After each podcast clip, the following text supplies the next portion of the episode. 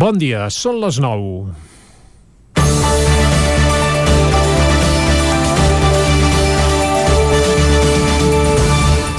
La presència de pescadors furtius a la riba del, del riu Ter i en alguns punts del pantà de Sau és un problema que s'arrossega des de fa anys. Els últims mesos, a més, van augment i també van en augment els problemes d'incivisme que se'n deriven amb moltes deixalles pel terra, fogueres en èpoques en què estan prohibides, destrosses i molts conflictes, sobretot amb les societats de pescadors, que aquestes sí, pesquen complint la normativa. En alguns casos, aquesta pesca furtiva és fruit del desconeixement coneixement de la normativa o simplement es fa per necessitats bàsiques com tenir un plat a taula. Els peixos, al riu, en teoria són gratis. El cert, però, és que el gran gruix de les persones que fan pesca furtiva són reincidents i no ho fan per necessitat. A més, aquest tipus de pesca també va relacionat amb la creixent afició per pescar espècies invasores que s'han introduït al pantà de Sau darrerament, com silurs o la lucioperca. I tot i que els agents rurals i els Mossos d'Esquadra han fet actuacions puntuals per tallar el problema, és és molt difícil acabar amb aquesta pràctica només amb els recursos actuals. És per això que els pescadors han demanat a l'administració que hi posi més recursos i d'això en parlarem precisament avui a l'entrevista de Territori 17. L'espai natural és de tots i cal complir amb les normes que hi ha per tal que tothom en pugui gaudir, pescadors i no pescadors. I més ara que tenim els rius en relatives bones condicions. Caldria, per tant, sí, imposar més sancions, però sobretot cal fer una campanya campanya informativa amb cara i ulls perquè tothom tingui clar què es pot fer i què no a les ribes dels nostres rius. Ara que l'aigua millora, tal com ens expliquen els companys del Centre d'Estudis del Centre d'Estudis dels Rius Mediterranis que ens visiten mensualment aquí a Territori 17, només faltaria que ho espatlléssim tot per culpa de l'incivisme d'uns pocs furtius. Comença Territori 17 a la sintonia del 9 FM, la veu de Sant Joan, Ràdio Cardedeu, Ona Codinenca i el TV. Territori 17, amb Vicenç Vigues i Jordi Sunyer.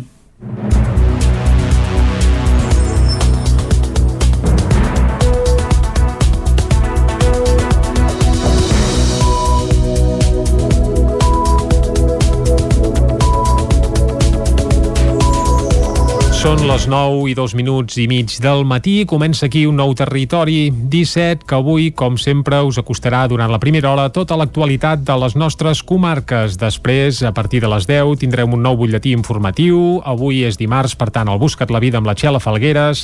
També parlarem d'economia amb en Joan Carles Arredondo i avui acabarem parlant de medi ambient amb en Gil Salvans de l'Agència de l'Energia d'Osona que ens intentarà explicar les novetats en la factura de la llum llum, unes novetats que, per cert, eh, es van ajornant i ell ens explicarà quan entraran finalment en funcionament. Ara, però, el que toca és arrencar i fer-ho, com sempre, amb les principals informacions de casa nostra, amb les novetats de les comarques del Ripollès, Osona, el Moianès i el Vallès Oriental.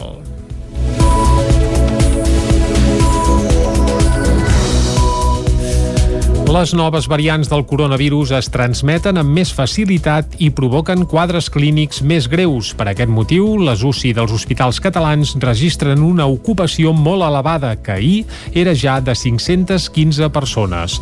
A l'Hospital Universitari de Vic, els malalts greus de Covid-19 ingressats ja superen els que hi va haver durant la segona i la tercera onada. En les últimes dues setmanes, el nombre de malalts greus a causa de la Covid-19 s'ha doblat.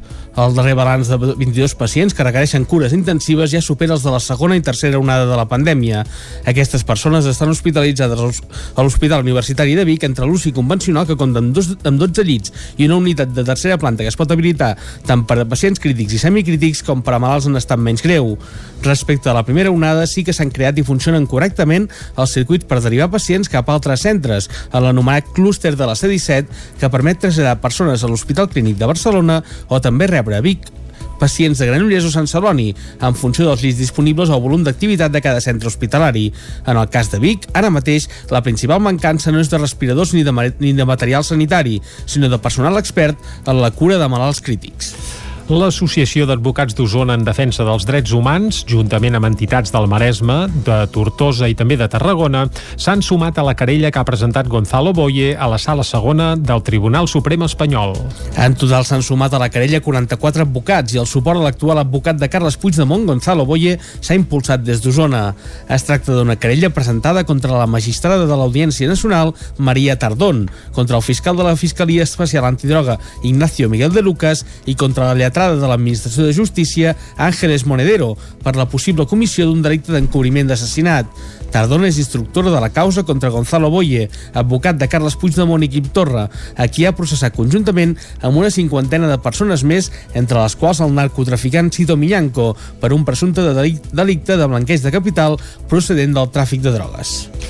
I ara recuperem la informació que us avançàvem a l'editorial del programa i és que l'augment de pescadors furtius del riu Ter i el pantà de Sau preocupa els pescadors recreatius i esportius d'Osona.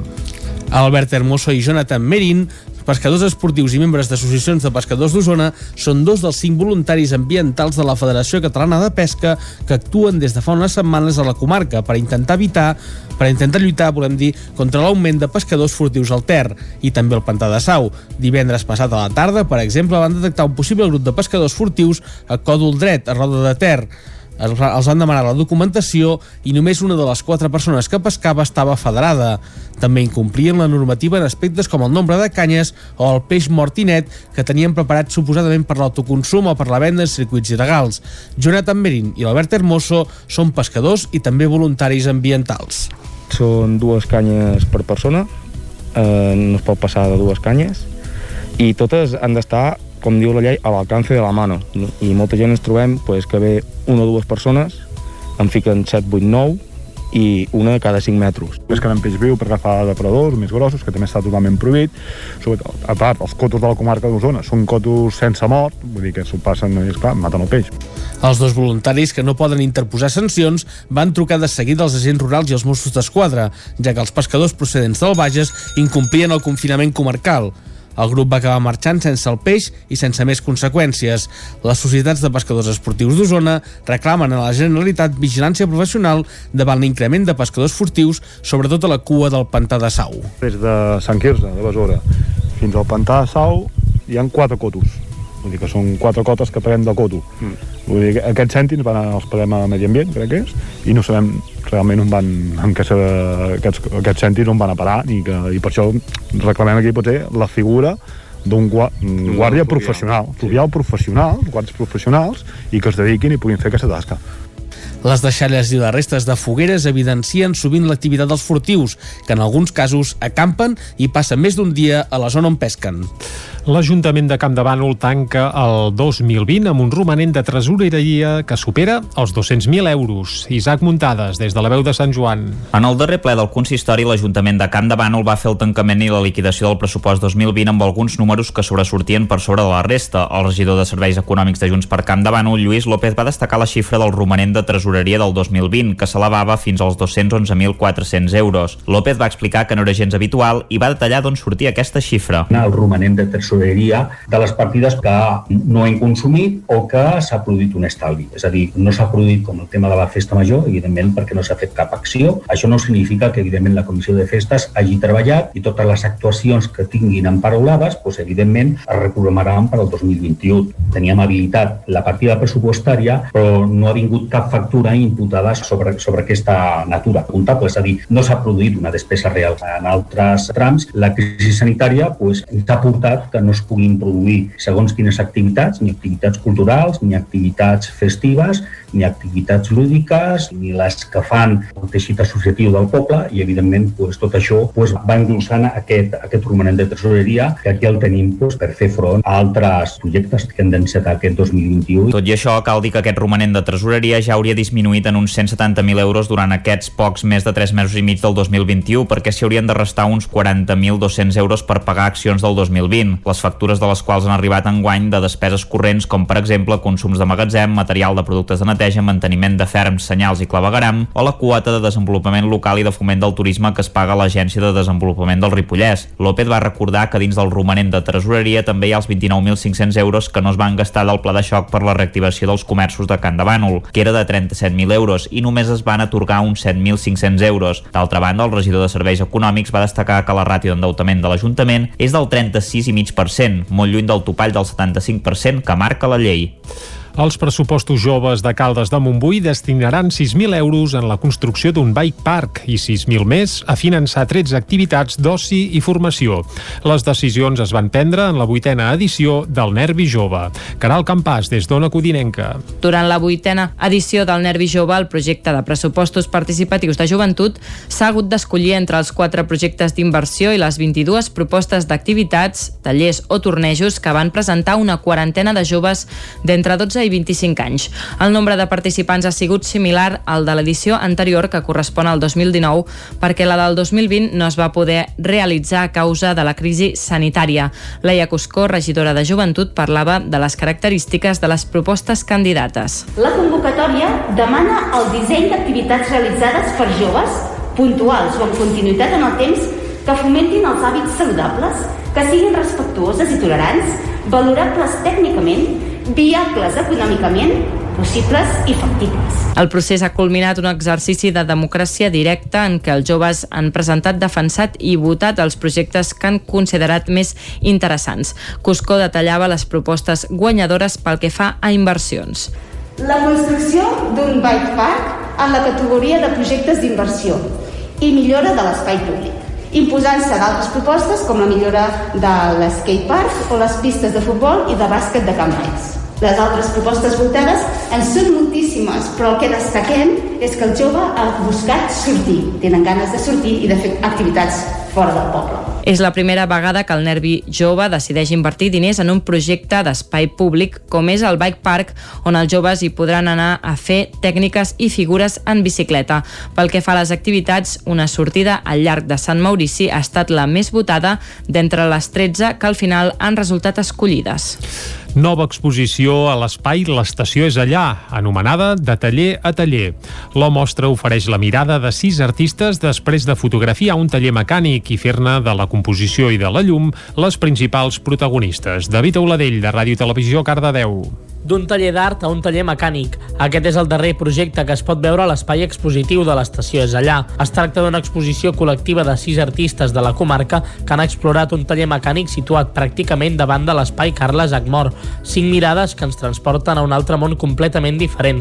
Jordi Aliguer, director de l'estació és allà. Eh, sorgit d'una manera casual, o sigui, en un moment donat, eh, veient que havia aquí el taller mecànic davant mateix de l'estudi, doncs vam pensar que fora molt interessant de fer un projecte fotogràfic, de tindre aquest repte de, amb un taller mecànic que teòricament és poc artístic, per dir-ho d'alguna manera, encara que això és molt relatiu, perquè tot és artístic, però perquè ens entenguem, eh, bueno, eh, havia aquest repte de saber què seríem capaços de fer i d'estreure d'aquest taller mecànic fora del que era el concepte global del taller. Cinc artistes i cinc mirades molt diverses centrades en el desenfoc de l'obra, els equilibris, els punts de vista de fragments, geometralitzacions i terres. Una selecció de fotografies de cinc temàtiques diferents que no tenen res a veure les unes amb les altres.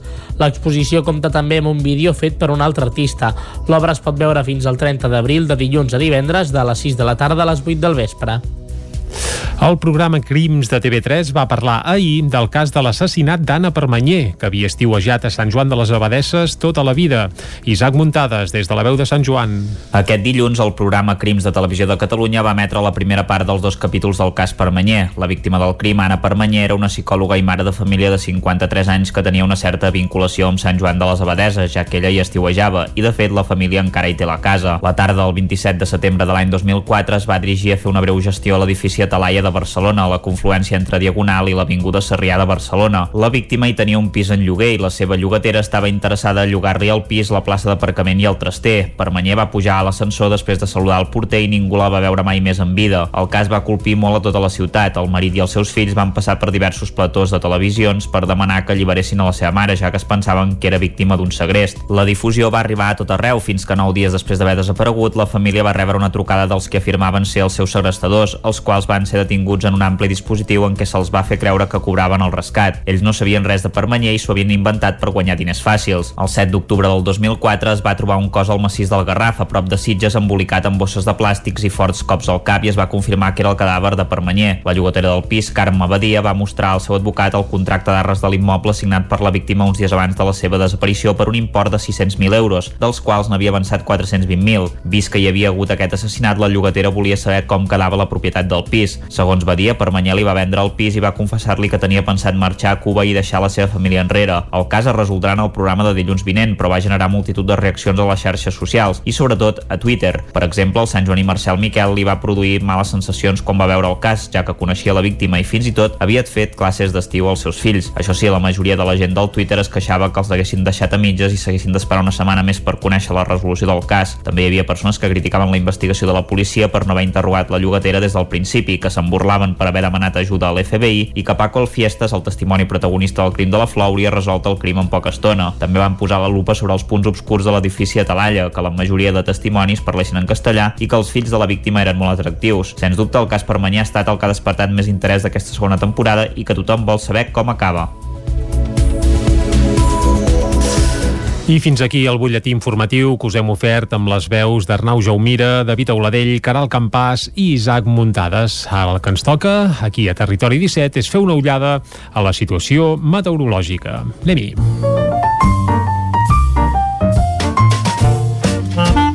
Casa Terradellos us ofereix el temps.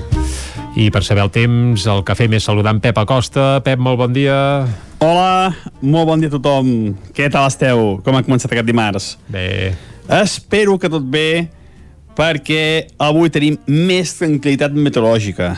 Tenim un anticicló a les Illes Britàniques, que serà protagonista de la jornada, però és un anticicló bastant fred. Atenció a les temperatures d'aquest ja 13 d'abril. Uh, 4 a 5 sota 0 de mínima a Ull de Ter. 2 sota 0 Molló. 1 sota 0 Puigdesolles. Uh, glaçades inclús fora del Pirineu, eh? Vull dir, Déu-n'hi-do, déu nhi déu quina baixada de temperatures, déu nhi quines mínimes que hem tingut avui. Són mínimes gairebé de principis de març, de finals de febrer. Uh, és un anticicló fred. Hi ha una hi ha aire fred uh, i déu-n'hi-do, déu nhi déu quines temperatures més baixes han tingut aquesta nit. Uh, moltes de les que no he dit, uh, entre els 0 i els 5 graus, eh? Osona, el Vallès i uh, el Mollanès i també el Ripollès. I jo crec que en alguna població que estan fredes, en algun lloc ha glaçat i tot, eh? Uh, Déu-n'hi-do, déu nhi déu quines temperatures més baixes han tingut aquesta nit. Ara tenim alguna boira, hi ha núvols baixos, eh, algun núvol, molt poca cosa, i que de cara a primeres hores del matí s'aniran desfent i el sol serà el protagonista la primera part del dia. I ja he dit, eh, tenim un anticicló les britàniques que és força gran i que ens arriba a nosaltres. Serà protagonista del dia d'avui. De cara a la tarda, de cara a la tarda poden créixer algunes nuvolades, sobretot cap a la zona prelitoral i també el Pirineu núvoles inofensives de primavera que en cap cas deixaran cap precipitació. I les temperatures, al fer més sol, eh, seran més altes que les d'ahir.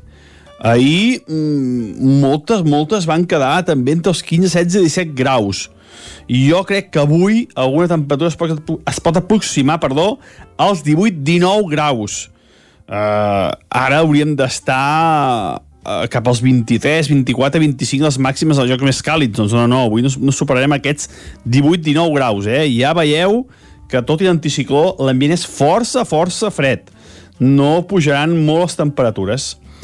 I això és tot, a disfrutar el dia d'avui, a disfrutar d'aquest dimarts anticiclònic, uh -huh. però això sí, eh, força fred. Moltes gràcies, fins demà. Adéu. Vinga, moltes gràcies a tu, Pep, i evidentment gaudirem d'aquest dimarts anticiclònic amb bon temps i amb un migdia, doncs bé, amb un solet que sempre fa de bon, de bon veure, sobretot ara en dies de primavera. Els matins per això es lleven frescots encara, eh?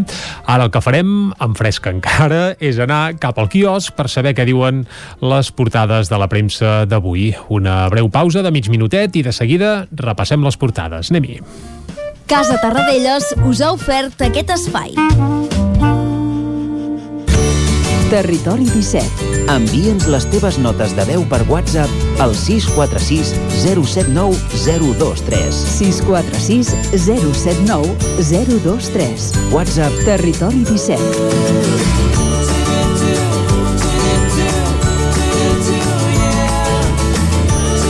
Territori 17. Som a Facebook, Twitter i Instagram amb l'usuari Territori 17.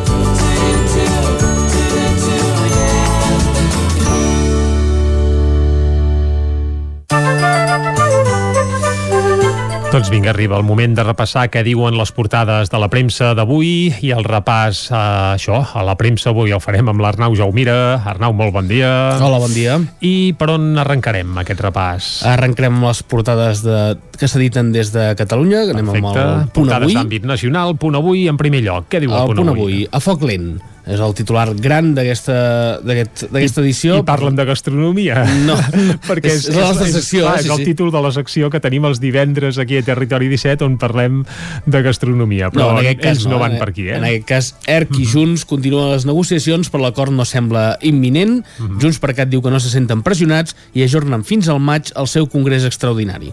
Per tant, segueixen aquestes negociacions per formar govern quan eh, estem eh, ja a les portes de que faci dos mesos de, de les eleccions i de moment Bé, el més calent que, és a l'aigua. Sí, jo diria que ara esperen que passin les eleccions a Comunitat de Madrid, que són el 4 Ah. de maig, perquè primer s'havien fixat una mica la data de Sant Jordi, semblava, i ara sembla que, que bé, que la nova data límit serien aquestes eleccions eh, a la Comunitat eh, de Madrid. Ho anirem seguint, evidentment. Foto de portada del punt avui per l'alcalde de Roquetes. No ens ha de fer por passar pel jutjat. Comença el judici per desobediència contra l'alcalde de Roquetes, Paco Gas. Molt bé. Uh, i amb titulars més petits arriba la vacuna d'una dosi amb els contagis a, a l'alça, amb l'arribada d'aquestes vacunes de Janssen, Mhm. que han de, de, de partir de demà no? amb vacunar aquesta població d'entre 70 i 79 anys. Aviam. Anem cap al periòdico, Mhm. eh, cobra amb un titular de xec de fins a 12.000 euros per a qui ajorni la seva jubilació. Escrivà premiarà amb un ingrés directe o un 4% més de pensió els, els que demorin el seu retir. El ministre que negocia l'hora amb patronals, sindicats i Brussel·les proposa revaloritzar l'IPC amb l'IPC de l'any anterior. És el pla de, un pla de mesures que es, va, que es va anunciar ahir, foto de portada que la veurem repetida en més diaris, el retorn dels pubs britànics. Els anglesos obria, obvien les gèlides temperatures locals per celebrar la reobertura de locals i botigues després de més de 3 mesos de tancament forçós pels estralls de la Covid-19. Ahir van tornar a obrir ja bona part dels... Sí, cal dir que el fred tant els hi fa, eh? Perquè Sí, jo he estat sí, sí. pels carrers de Liverpool bé, abans de la pandèmia a dos, tres graus i la gent va amb màniga curta, les Sí, sí, noies no- no- no sense res. mitges ni mitjons i també amb uns vestidets que aquí no duríem ni al ple mes d'agost. És a dir, que el tema de les temperatures allà el tenen del tot superat, sobretot si és per anar al pub. Però vaja, seguim. Seguim, eh, acabem el periòdico amb els alumnes confinats es dupliquen tot i els avanços en la vacunació. Anem ara cap a l'avantguàrdia, eh, que va en la mateixa línia que el periòdico escrivà proposa, proposa de pagar fins a 12.000 euros per any de jubilació jornada i fotografia de portada també per aquest Anglaterra reobre amb una fotografia de, de joves asseguts en una terrassa de bar bevent cerveses, tota la taula plena de, de cerveses en aquesta reobertura de, de pubs I evidentment sense mascareta, aquests sí, joves, sí, eh? totalment. Mhm. Uh, i la variant britànica impulsa la quarta onada amb casos més greus. Eh? El contrast una mica en la reobertura dels pubs i a sota amb aquesta la variant britànica que impulsa nous, molts més casos. Ara acabem amb els diaris de Catalunya amb el diari Ara. L'arribada de Janssen accelera la vacunació de les persones grans. La franja d'edat d'entre 70 i 79 anys rebrà la vacuna monodosi que arriba demà a Espanya és el, el que diu aquesta portada uh -huh. també parlant de la sortida de Colau de Twitter reobre el debat sobre la xarxa que ha generat doncs aquesta bé, aquesta controvèrsia de, de quin poder han de tenir les, les xarxes. I també un altre dels, dels temes que ja han portat és aquest l'assegament de peatges farà perdre 408 llocs de treball anem si et sembla cap als diaris de Anem cap als diaris que s'editen a Madrid. Madrid.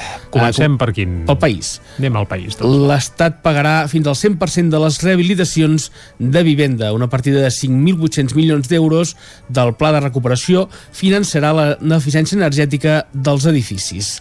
I fotografia de portada, un altre cop, com hem dit, ja surt gairebé tot arreu, els britànics tornen a prendre's una pinta, diuen, a l'exterior. Eh? Tornen a, a poder veure cervesa, en aquest cas a l'exterior, i un altre dels temes, la incidència puja un 22% després de Setmana Santa. Anem cap a, al Mundo. Sánchez adapta la vacunació i els fons a la seva campanya del 4M a Madrid. El govern refuig de, de, de morts i contagiats pel Covid i es centra en vendre la milionària arribada de les vacunes. El, el que diuen eh, la fotografia de portada per Leticia Ortiz, per la reina, la reina amb el vot femení, perquè es va reunir ahir doncs, amb, les, amb les dones que tenen poder en el Congrés de, dels Diputats. Per exemple, amb la presidenta Meritxell Sí, Batet, Batet. i altres uh, portaveus i també ministres. Correcte. I en altres titulars de portada, Hisenda accelera el seu gran cop fiscal de, davant tot i la crisi del, del Covid i més de 2.500 jutges denuncien a la Unió Europea la reforma del govern. Anem acabant, anem cap a la Razón. Uh -huh. uh, la Unió Europea citarà els jutges que denuncien la mordaza, uh, la llei mordassa de, de Sánchez. Uh, més de 2.500 no és, més de 2.500 jutges porten a Brussel·les una queixa contra el govern per atacar la independència judicial. Uh, fotografia de portada un altre cop per la trobada que es va produir ahir, en, com explicàvem abans, amb la reina Doña Letícia a la seva arribada al Congrés, en què es va reunir doncs, amb, les, amb les dones de, de, de, que, Sí, sí, que manen, tenen poder polític correcte. a, a l'estat espanyol. I, I acabem fent un cop d'ull a l'ABC. Correcte, acabem amb l'ABC, que és fotograf- portada a foto única. Montero vol impulsar a Madrid, vol, Mon- Montero vol obligar a Madrid a pujar els impostos. Hisenda corregeix a Gabilondo i planteja augmentar ja la pressió fiscal de societats, patrimoni, successions i donacions. I suposo que, a més a més, ho fan amb una foto eh, una mica entre cometes, eh? amb Sí. foteta de, de la sí, ministra. sí, estava, estava la cara, la rient, casa de estava la cara rient, foto treta de, de context, evidentment, que sí que és de la presentació d'aquesta reforma, però que, evidentment, eh, clar, sembla que se'n- se'n rigui. Bé, uh, l'ABC ja ho té.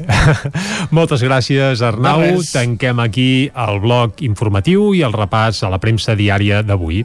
I ara el que ens toca és fer una breu pausa. Tornem a dos quarts en punt amb més informació aquí a Territori 17. Fins ara. El nou FM, la ràdio de casa, al 92.8. Busquem mares i pares amb consciència. Nodrissa Cuina Escolar és un servei per a menjadors escolars amb uns criteris nutricionals molt seriosos. Som a la comarca d'Osona, a Gurb, des d'on cuinem diàriament l'aliment pels vostres fills i filles. Productes de proximitat, canell de cuina i servei seriós. Volem treballar amb i per a vosaltres i si alguna cosa hem après és que no tot s'hi val. Producte i servei exigent per uns clients honestos. Nodrissa Cuina Escolar, el teu nou partner per al vostre menjador escolar. Entra a nodrissa.cat i informa-te'n. El racó de León. Gaudeix de la nostra terrassa. Vine a tastar les xuletilles de lechal a la brasa amb una bona amanida o el xuletón de vedella gallega. No et pots perdre el nostre lechado de Castilla al forn o el cochinillo a l'estil de Segovia. Tot acompanyat del millor celler, al menjador o fora la terrassa. Descobreix la millor cuina de Lleó sense moure't de casa. Vine amb la família, els amics, la parella o sol. T'encantarà. El racó de León, cuina tradicional lleonesa i de mercat. Som al carrer Torelló número 35 de Vic. Per reserves, telèfon 93 889 1950.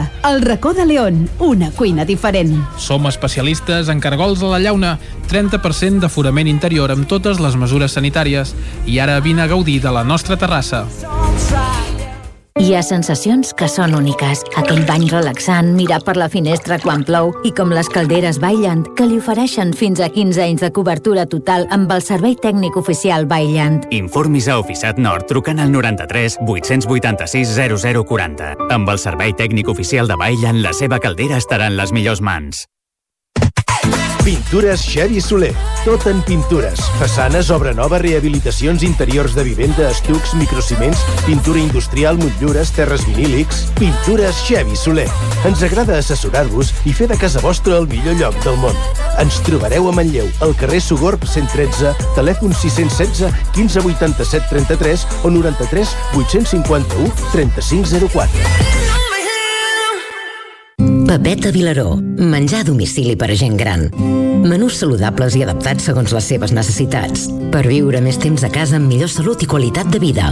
Informa tant al 931 31 71 81 o a papetavilaró.cat. Papeta Vilaró. La salut i el benestar dels nostres avis comença per cuidar el que mengen. Aquesta primavera, per estar bé a casa, vine a Mobles Verdolet. Sofàs, sales d'estudi, dormitoris, menjadors i molt més. Mobles fets a mida. Mobles Verdolet. Ens trobareu al carrer Morgades 14 de Vic i al carrer 9 44 de Torelló i també a moblesverdolet.com.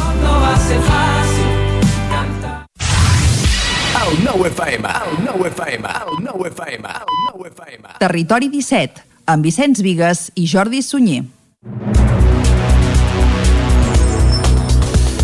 Dos quarts de deu en punt, seguim en directe aquí a Territori 17 en aquest dimarts dia 13 d'abril de 2020. Dimarts i 13 diuen que és un dia que porta mal estrugança, però ja ens va quedar clar ahir que hi ha molta gent que no s'ho creu això, i si no que els hi preguntin als Palat i Pelut, aquest grup de rumba usonenca que precisament avui publica el seu eh, primer disc, que es titula precisament Flor al cul. D'això en vam parlar ahir i avui a Territori 17 el que ens queda ara mateix és acostar-vos de nou tota l'actualitat de les nostres comarques, però ja us avancem que a partir de les 10 tindrem un nou butlletí informatiu, que parlarem d'economia també amb en Joan Carles Arredondo, com fem tots els dimarts.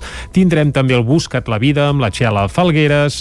Al Descobrint Catalunya avui anirem cap a Tavernoles, passarem també per la R3, com fem diàriament aquí a Territori 17, i avui acabarem parlant de medi ambient amb els companys de l'Agència de l'Energia d'Osona, amb el seu responsable tècnic, el Gil Salvans, que avui ens avançarà totes les novetats de la factura elèctrica, perquè d'aquí uns dies o uns mesos venen canvis. Això ho descobrirem a la part final d'un territori 17 que ara segueix acostant-vos de nou l'actualitat de les nostres comarques, les comarques del Ripollès, Osona, el Moianès i el Vallès Oriental.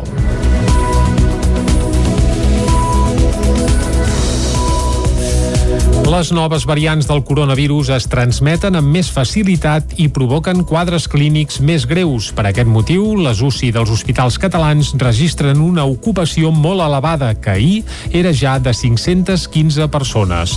A l'Hospital Universitari de Vic, els malalts greus de Covid-19 ingressats ja superen els que hi va haver durant la segona i la tercera onada. En les últimes dues setmanes, el nombre de malalts greus a causa de la Covid-19 s'ha doblat. El darrer balanç de 22 pacients que requereixen cures intensives ja supera els de la segona i tercera onada de la pandèmia. Aquestes persones estan hospitalitzades a l'Hospital Universitari de Vic entre l'UCI convencional que compta amb, dos, amb 12 llits i una unitat de tercera planta que es pot habilitar tant per a pacients crítics i semicrítics com per a malalts en estat menys greu.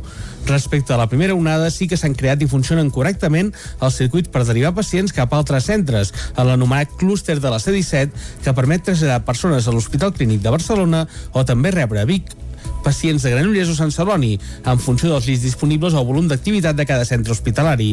En el cas de Vic, ara mateix, la principal mancança no és de respiradors ni de, ni de material sanitari, sinó de personal expert en la cura de malalts crítics. L'Associació d'Advocats d'Osona en Defensa dels Drets Humans, juntament amb entitats del Maresme, de Tortosa i també de Tarragona, s'han sumat a la querella que ha presentat Gonzalo Boye a la sala segona del Tribunal Suprem Espanyol. En total s'han sumat a la querella 44 advocats i el suport a l'actual advocat de Carles Puigdemont, Gonzalo Boye, s'ha impulsat des d'Osona. Es tracta d'una querella presentada contra la magistrada de l'Audiència Nacional, Maria Tardón, contra el fiscal de la Fiscalia Especial Antidroga, Ignacio Miguel de Lucas, i contra la lletrada de l'Administració de Justícia, Ángeles Monedero, per la possible comissió d'un delicte d'encobriment d'assassinat. Tardón és instructora de la causa contra Gonzalo Boye, advocat de Carles Puigdemont i Quim Torra, a qui ha processat conjuntament amb una cinquantena de persones més, entre les quals el narcotraficant Cito Millanco, per un presumpte de delicte de blanqueig de capital procedent del tràfic de drogues. I ara recuperem la informació que us avançàvem a l'editorial del programa i és que l'augment de pescadors furtius del riu Ter i el pantà de Sau preocupa els pescadors recreatius i esportius d'Osona. Albert Hermoso i Jonathan Merin pescadors esportius i membres d'associacions de pescadors d'Osona són dos dels cinc voluntaris ambientals de la Federació Catalana de Pesca que actuen des de fa unes setmanes a la comarca per intentar evitar, per intentar lluitar, volem dir, contra l'augment de pescadors furtius al Ter i també al Pantà de Sau. Divendres passat a la tarda, per exemple, van detectar un possible grup de pescadors furtius a Còdol Dret, a Roda de Ter. Els van demanar la documentació i només una de les quatre persones que pescava estava federada. També incomplien la normativa en aspectes com el nombre de canyes o el peix mortinet que tenien preparat suposadament per l'autoconsum o per la venda en circuits il·legals. Jonathan Merin i l'Albert Hermoso són pescadors i també voluntaris ambientals. Són dues canyes per persona, eh, no es pot passar de dues canyes, i totes han d'estar, com diu la llei, a l'alcance de la mano. I molta gent ens trobem pues, que ve una o dues persones, en fiquen 7, 8, 9, i una de cada 5 metres. Pesquen amb peix viu per agafar depredadors més grossos, que també està totalment prohibit. Sobretot, a part, els cotos de la comarca d'Osona són cotos sense mort, vull dir que s'ho passen i, esclar, maten el peix. Els dos voluntaris que no poden interposar sancions van trucar de seguida als agents rurals i als Mossos d'Esquadra, ja que els pescadors procedents del Bages incomplien el confinament comarcal. El grup va acabar marxant sense el peix i sense més conseqüències. Les societats de pescadors esportius d'Osona reclamen a la Generalitat vigilància professional davant l'increment de pescadors furtius, sobretot a la cua del pantà de Sau. Des de Sant Quirze, de Besora, fins al pantà de Sau, hi han quatre cotos. Vull dir que són quatre cotes que paguem de coto. Mm. Vull dir que aquests cèntims van als paguem a Medi Ambient, crec que és, i no sabem realment on van, en què se, aquests, aquests cèntims on van a parar, i, que, i per això reclamem aquí potser la figura d'un gua, guàrdia professional, fluvial professional, guàrdies professionals, i que es dediquin i puguin fer aquesta tasca. Les deixalles i les restes de fogueres evidencien sovint l'activitat dels furtius, que en alguns casos acampen i passen més d'un dia a la zona on pesquen. L'Ajuntament de Camp de Bànol tanca el 2020 amb un romanent de tresoreria que supera els 200.000 euros. Isaac Muntades, des de la veu de Sant Joan.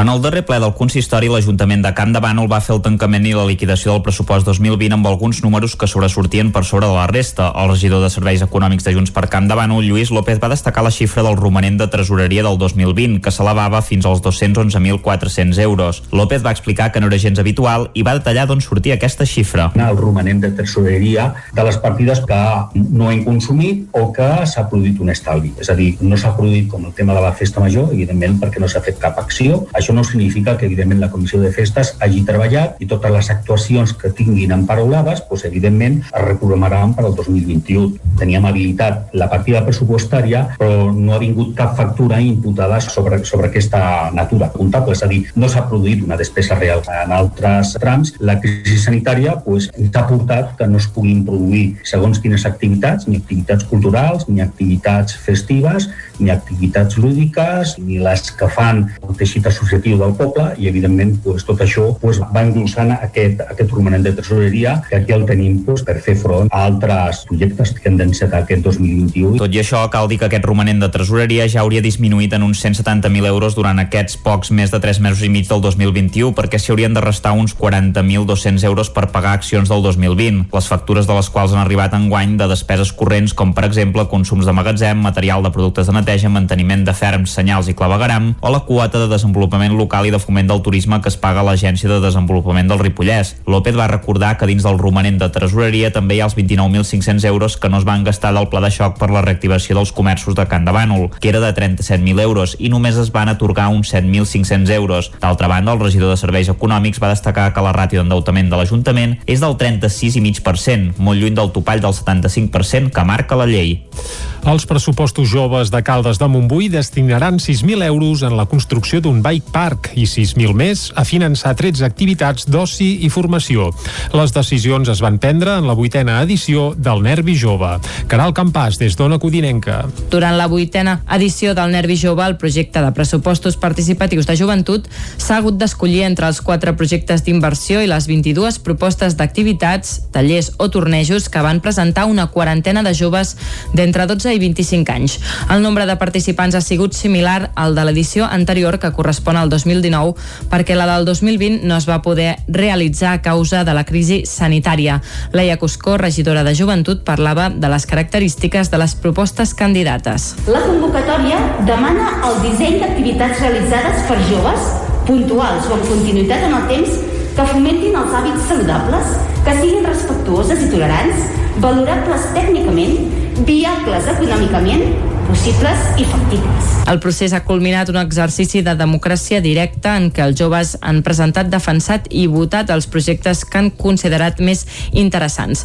Cuscó detallava les propostes guanyadores pel que fa a inversions.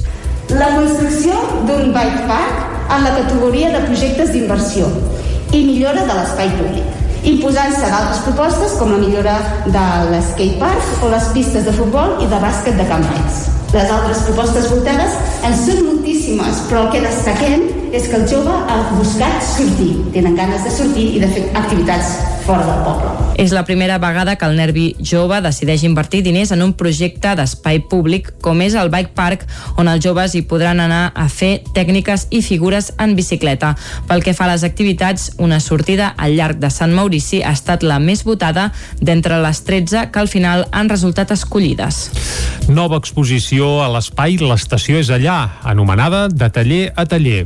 La mostra ofereix la mirada de sis artistes després de fotografiar un taller mecànic i fer-ne de la composició i de la llum les principals protagonistes. David Auladell, de Ràdio Televisió, Cardedeu. D'un taller d'art a un taller mecànic. Aquest és el darrer projecte que es pot veure a l'espai expositiu de l'estació és allà. Es tracta d'una exposició col·lectiva de sis artistes de la comarca que han explorat un taller mecànic situat pràcticament davant de l'espai Carles Agmor. Cinc mirades que ens transporten a un altre món completament diferent. Jordi Aliguer, director de l'estació és allà. Ha sorgit d'una manera casual, o sigui, en un moment donat, eh, veient que havia aquí el taller mecànic, davant mateix de l'estudi, doncs vam pensar que fora molt interessant de fer un projecte fotogràfic, de tindre aquest repte de, amb un taller mecànic que teòricament és poc artístic, per dir-ho d'alguna manera, encara que això és molt relatiu, perquè tot és artístic, però perquè ens entenguem, eh, bueno, eh, havia aquest repte de saber què seríem capaços de fer i d'extreure d'aquest taller mecànic fora del que era el concepte global del taller. Cinc artistes i cinc mirades molt diverses centrades en el desenfoc de l'obra, els equilibris, els punts de vista de fragments, geometralitzacions i terres. Una selecció de fotografies de cinc temàtiques diferents que no tenen res a veure les unes amb les altres. L'exposició compta també amb un vídeo fet per un altre artista.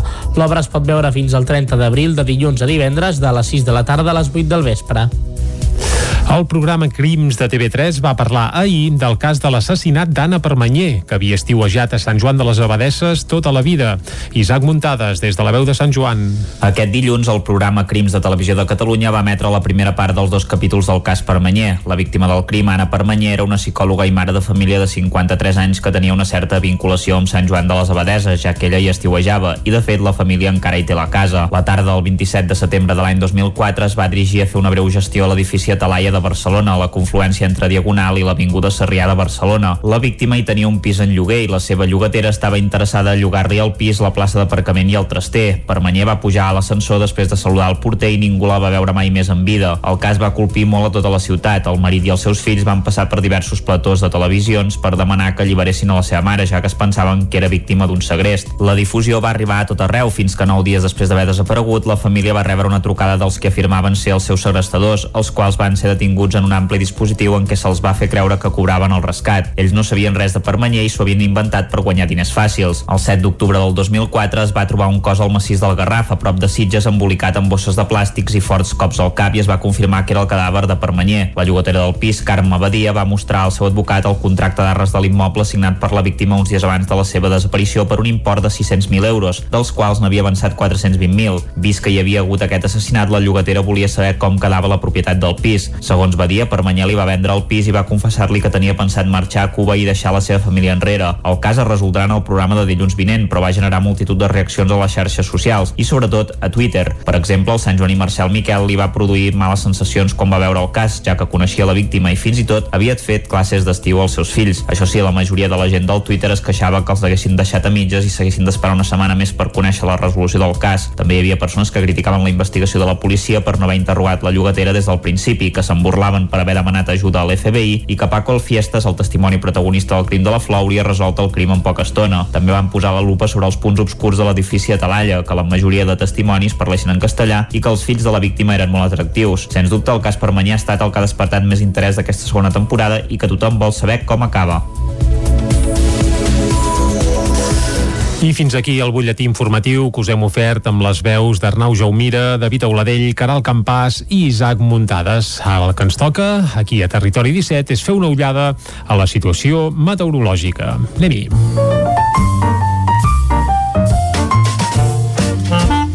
Casa Terradellos us ofereix el temps. I per saber el temps, el que fem és saludar en Pep Acosta. Pep, molt bon dia.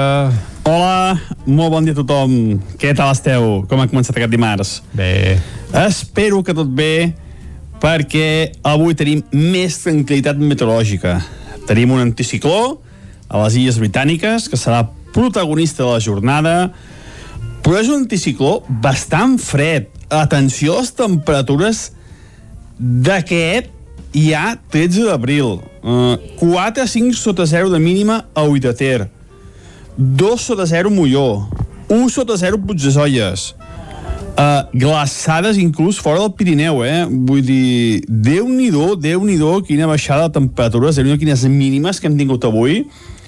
Són mínimes gairebé de principis de març, de finals de febrer. Uh, és un anticicló fred. Hi ha, una, hi ha aire fred uh, i Déu-n'hi-do, déu nhi quines temperatures més baixes hem tingut aquesta nit. Uh, moltes de les que no he dit uh, entre els 0 i els 5 graus eh? Osona, el Vallès i uh, el Mollanès i també el Ripollès i jo crec que en alguna població que estan fredes en algun lloc ha glaçat i tot eh? uh, déu nhi déu quines temperatures més baixes han tingut aquesta nit ara tenim alguna boira hi ha núvols baixos uh, algun núvol molt poca cosa i que de cara a primeres hores del matí s'aniran desfent i el sol serà el protagonista la primera part del dia. I ja he dit, eh, tenim anticiclons i britàniques que és força gran i que ens arriba a nosaltres. Serà protagonista del dia d'avui. De cara a la tarda, de cara a la tarda poden créixer algunes nuvolades, sobretot cap a la zona prelitoral i també el Pirineu. Nuvolades inofensives de primavera que en cap cas deixaran cap precipitació i les temperatures, al fer més sol, eh, seran més altes que les d'ahir. Ahir mm, moltes, moltes van quedar també entre els 15, 16 i 17 graus. I jo crec que avui alguna temperatura es pot, es pot aproximar perdó, als 18-19 graus. Uh, ara hauríem d'estar uh, cap als 23, 24, 25 les màximes dels jocs més càlids. Doncs no, no, avui no, no superarem aquests 18-19 graus. Eh? Ja veieu que tot i l'anticicló l'ambient és força, força fred. No pujaran molt les temperatures.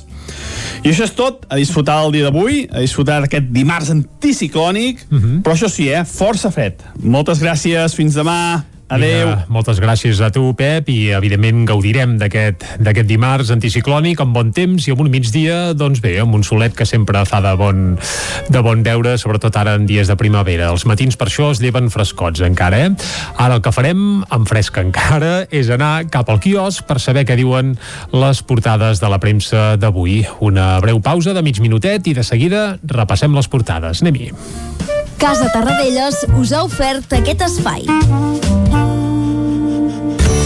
Territori 17. Envia'ns les teves notes de veu per WhatsApp al 646 079 023. 646 079 023. WhatsApp Territori 17.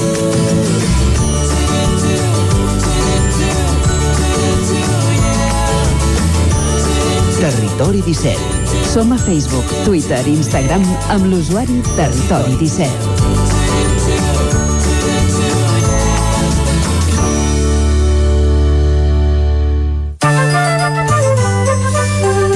Doncs vinga, arriba el moment de repassar què diuen les portades de la premsa d'avui i el repàs a això, a la premsa avui el farem amb l'Arnau Jaumira. Arnau, molt bon dia.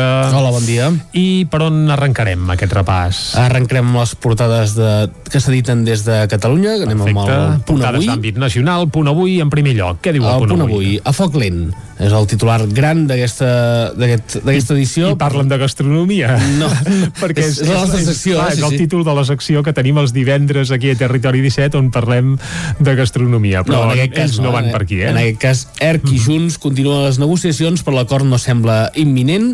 Junts per Cat diu que no se senten pressionats i ajornen fins al maig el seu congrés extraordinari.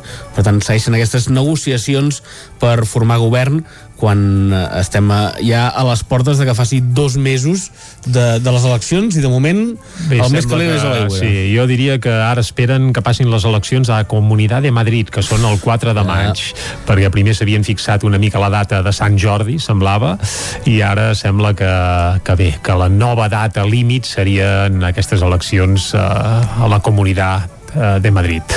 Ho anirem seguint, evidentment. Foto de portada del punt avui per l'alcalde de Roquetes. No ens ha de fer por passar pel jutjat. Comença el judici per desobediència contra l'alcalde de Roquetes, Paco Gas. Molt bé. Uh, i amb titulars més petits arriba la vacuna d'una dosi amb els contagis a, a l'alça, amb l'arribada d'aquestes vacunes de Janssen, uh -huh. que han de, de, de partir de demà no? vacunar aquesta població d'entre 70 i 79 anys. Aviam. Anem cap al periòdico, uh -huh. eh, cobra amb un titular de xec de fins a 12.000 euros per a qui ajorni la seva jubilació. Escrivà premiarà amb un ingrés directe o un 4% més de pensió els, els que demorin el seu retir. El ministre que negocia l'hora amb patronals, sindicats i Brussel·les proposa revaloritzar l'IPC amb l'IPC de l'any anterior. És el pla de, un pla de mesures que es va, que es va anunciar ahir, foto de portada que elaborem repetida en més diaris, el retorn dels pubs britànics. Els anglesos obria, obvien les gèlides temperatures locals per celebrar la reobertura de locals i botigues després de més de 3 mesos de tancament forçós pels estralls de la Covid-19. Ahir van tornar a obrir ja bona part dels... Sí, cal dir que el fred tant els hi fa, eh? Perquè Sí, jo he estat sí, sí. pels carrers de Liverpool bé, abans de la pandèmia, uh, dos, tres graus i la gent va amb màniga curta, les Sí, sí, noies no- no- no sense res. mitges ni mitjons i també amb uns vestidets que aquí no duríem ni al ple mes d'agost. És a dir, que el tema de les temperatures allà el tenen del tot superat, sobretot si és per anar al pub. Però vaja, seguim. Seguim, eh, acabem el periòdico amb els alumnes confinats es dupliquen tot i els avanços en la vacunació.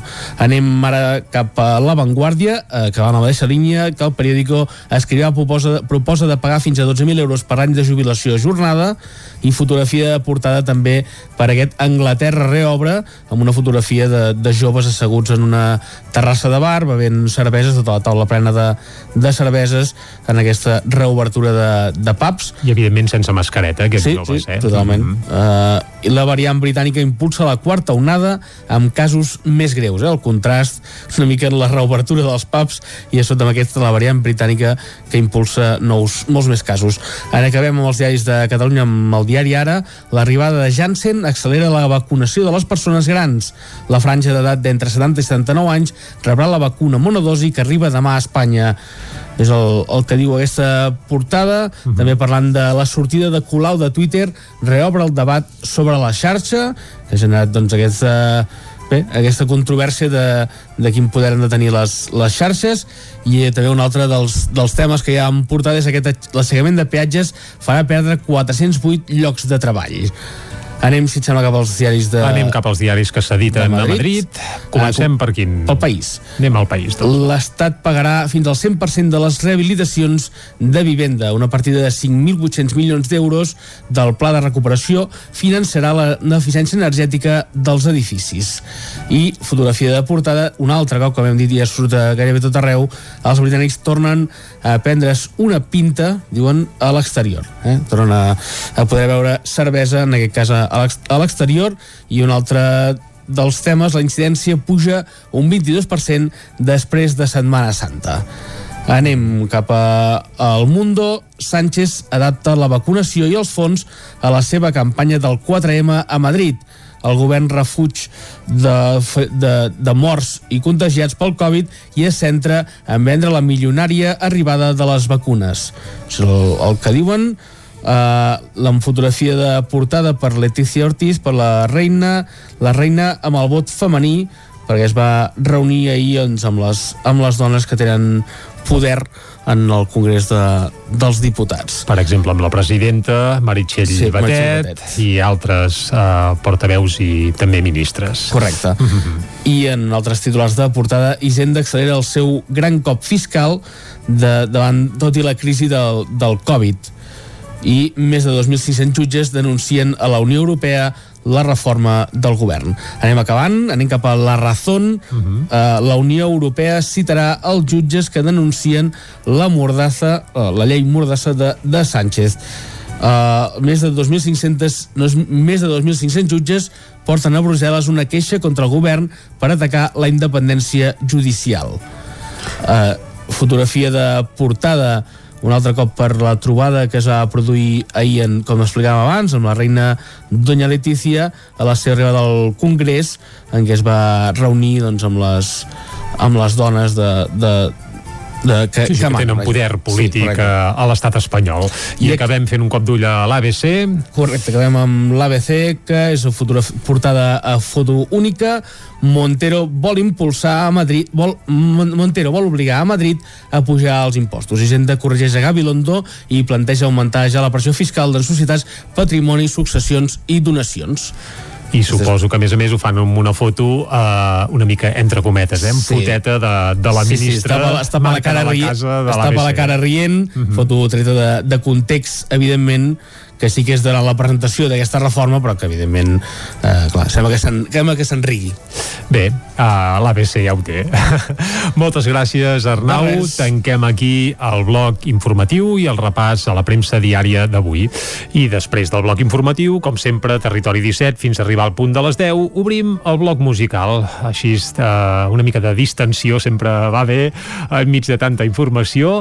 I avui tenim una novetat d'aquelles mundials que us acostem de tant en tant aquí a Territori 17. Estem parlant del més nou de Carla. Carla és, uh, bé, aquesta jove bigatana, Carla Serrat, Carla de nom artístic, germana, per cert, de la Joana Serrat, també del Toni Serrat, que últimament aquesta família uh, només fan que treure novetats discogràfiques. El Toni va treure el projecte Siuret fa ben poc, en van parlar també, uh, però avui el que volem és això, estrenar el més nou de la Carla. La Carla, el, la tardor, traurà un nou EP, del qual fa un mes aproximadament ja en va avançar una primera cançó, que també us vam deixar escoltar en exclusiva aquí a Territori 17. Doncs ahir mateix em va presentar una segona de cançó que contindrà aquest EP, que recordem-ho, eh, es, publicarà a la tardor, però per anar fent boca, la Carla em va desgranant i donant a conèixer algunes càpsules. Avui, Desire.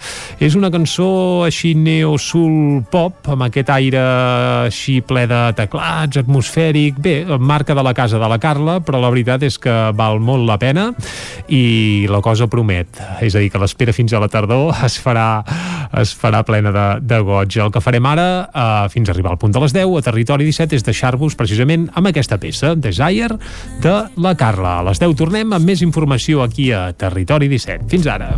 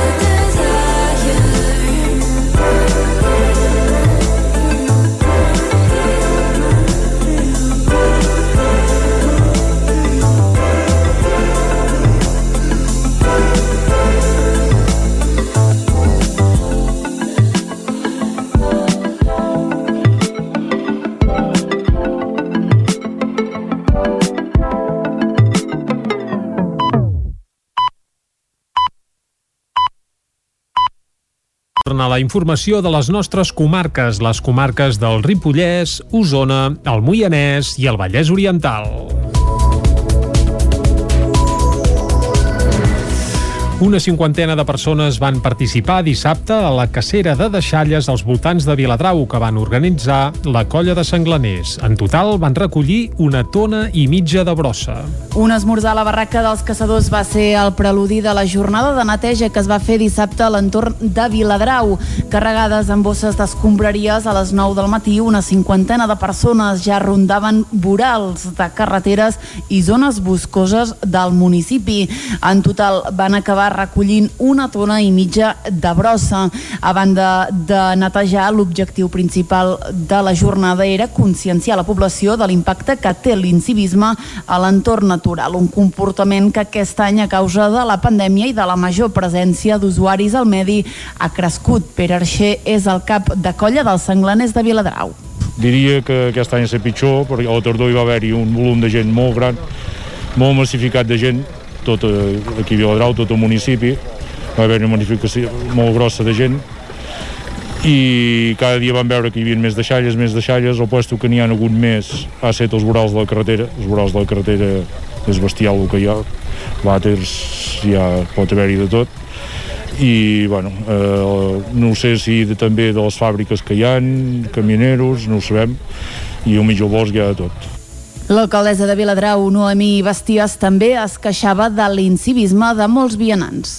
Aquí estem patint una miqueta el que és eh, mostres d'incivisme força costa, constants, no? degut a, a que el turisme doncs, a, a l'entorn, al Montseny, doncs, s'ha massificat i, clar, doncs, eh, iniciatives com aquestes s'han de, evidentment, eh, premiar i agra agraïm doncs, eh, molt des de l'Ajuntament aquest, aquest, aquest voluntariat. La jornada es programa cada any un cop finalitzada la s'havia de dir mins i corriols o recuperar fons. Tenint en compte l'èxit de la recollida de dissabte, els senglaners no descarten convocar-ne una altra abans de l'estiu. Seguim. Esquerra Republicana de Sant Joan de les Abadesses es queixa que l'Ajuntament no va cedir l'escorxador municipal per fer-hi una classe de ioga. Isaac Muntades, des de la veu de Sant Joan. El grup municipal d'Esquerra Republicana de Catalunya de Sant Joan de les Abadeses va mostrar la seva sorpresa i malestar al darrer ple perquè, segons deien, l'Ajuntament havia posat entrebancs a una persona que volia fer una classe de ioga a l'escorxador municipal. El porteu republicà va expressar que estava previst que l'activitat es fes amb totes les mesures sanitàries i que, a més, és saludable i beneficiosa per la gent del poble. L'alcalde de Moviment d'Esquerra, Ramon Roquer, va contestar-li que aquest equipament només es deixa a entitats i no hi ha cap ordenança municipal que reguli l'ús privatiu de l'escorxador, una afirmació que el BRIC va rebatre. Si llegeix el reglament de l'escorxador i llegeix textualment, diu que cal destacar que l'autorització de l'edifici de l'escorxador s'atorgarà amb els casos següents. Punt B. Per realitzar activitats o actes de caràcter cultural, recreatiu o social organitzats per entitats o particular. Per tant, entenc que un particular, en aquest cas, no és només una entitat, no? per tant, el té marge de maniobra per poder realitzar doncs, activitats. L'alcalde va dir-li que no hi havia cap ordenança que regulés els diners que hauria de pagar un particular si en volgués fer un ús privatiu. Amb més motiu, l'edil republicà va dir que calia regular-ho i que, de fet, la persona estava disposada a pagar el cost del lloguer. A partir d'aquí, la secretària va intervenir per aclarir que el ioga, tal com es va decidir a l'inici de la pandèmia, és una activitat esportiva i no entra dins d'aquests supòsits. El BRIC va apuntar que la professora de ioga havia plantejat alternatives com el gimnàs de l'antiga Badesa Emma, que segons Roquer no està regulat perquè el puguin utilitzar privats, i el jardí de l'edifici del Palmàs. El batlle va ser clar en aquest aspecte. Vostè sap exactament el Procicat què diu respecte a les activitats que es portaven a terme en els centres cívics, és en aquest cas el cas que vostè està parlant, era una activitat que es desenvolupava, es desenvolupava en els centres cívics. El que diu és que només podran desenvolupar-se en els centres cívics aquelles activitats que es puguin fer a l'exterior del centre cívic majors de 60 anys. Per tant, vostè explica'm a mi com encabeix una activitat, en aquest cas és igual, en aquest cas és privada, però tenia tot el dret de fer aquesta activitat en el centre cívic perquè així està regulat per fer-se allà, però en tot cas el Procicat no diu que l'activitat, aquesta activitat en concret, es pugui fer a, a fora de, del centre cívic perquè diu clarament que només es pot fer amb majors de 60 anys. La secretària va afegir que l'Ajuntament no tenia cap obligació de fer una normativa per l'ús de parcs, jardins o carrers, ja que el Pla d'Ordenació Urbanística Municipal ja s'encarrega de determinar els usos de cada espai. Les troballes dels últims anys han obligat a ampliar l'espai d'exposicions de l'excavació arqueològica del Camp de les Lloses, a Tona. Fins ara s'havia hagut d'ajornar per motius econòmics, però finalment han pogut començar les obres i l'equipament passarà dels 80 als 500 metres quadrats. Poc després d'inaugurar l'espai d'exposicions del Camp de les Lloses a Tona ja estava clar que l'equipament era insuficient. Les noves troballes que anaven apareixent al jaciment i barrour romà i el creixement de l'activitat al seu entorn van obligar a plantejar una ampliació que s'havia anat ajornant per motius econòmics. Finalment les obres han començat ara amb finançament del FEDER i permetran gairebé triplicar la superfície actual de l'equipament, ho explica Ima Mestres, directora del Camp de les Lloses. Al llarg d'aquests 20 anys d'excavacions ha crescut de tal manera la col·lecció i és tan important que necessitem ampliar l'equipament que ara tenim per poder-la conservar i difondre. I a més a més, en aquest projecte d'ampliació hem de pensar que ja tenim en ment la idea de que hem d'acabar registrant-nos com a museu de Catalunya per acabar de consolidar el projecte de manera que aquesta col·lecció quedi ja dipositada per sempre aquí a Tona i la puguem conservar i difondre des del seu museu.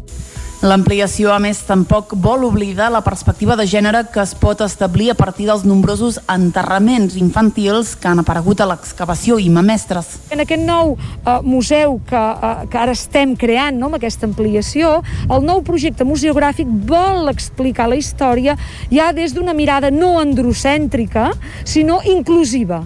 I per tant, a partir d'aquí i a partir de, de tota la investigació que s'ha fet, parlarem de les dones i de les criatures. L'ampliació de l'espai també ha de servir per posar més en valor la importància del jaciment en molts àmbits. Amadeu Lleupart és l'alcalde de Tona. M'agradaria que cada vegada més el poble de Tona eh, en, en tragués profit. Ja, ja, ja n'hi treu, però encara més.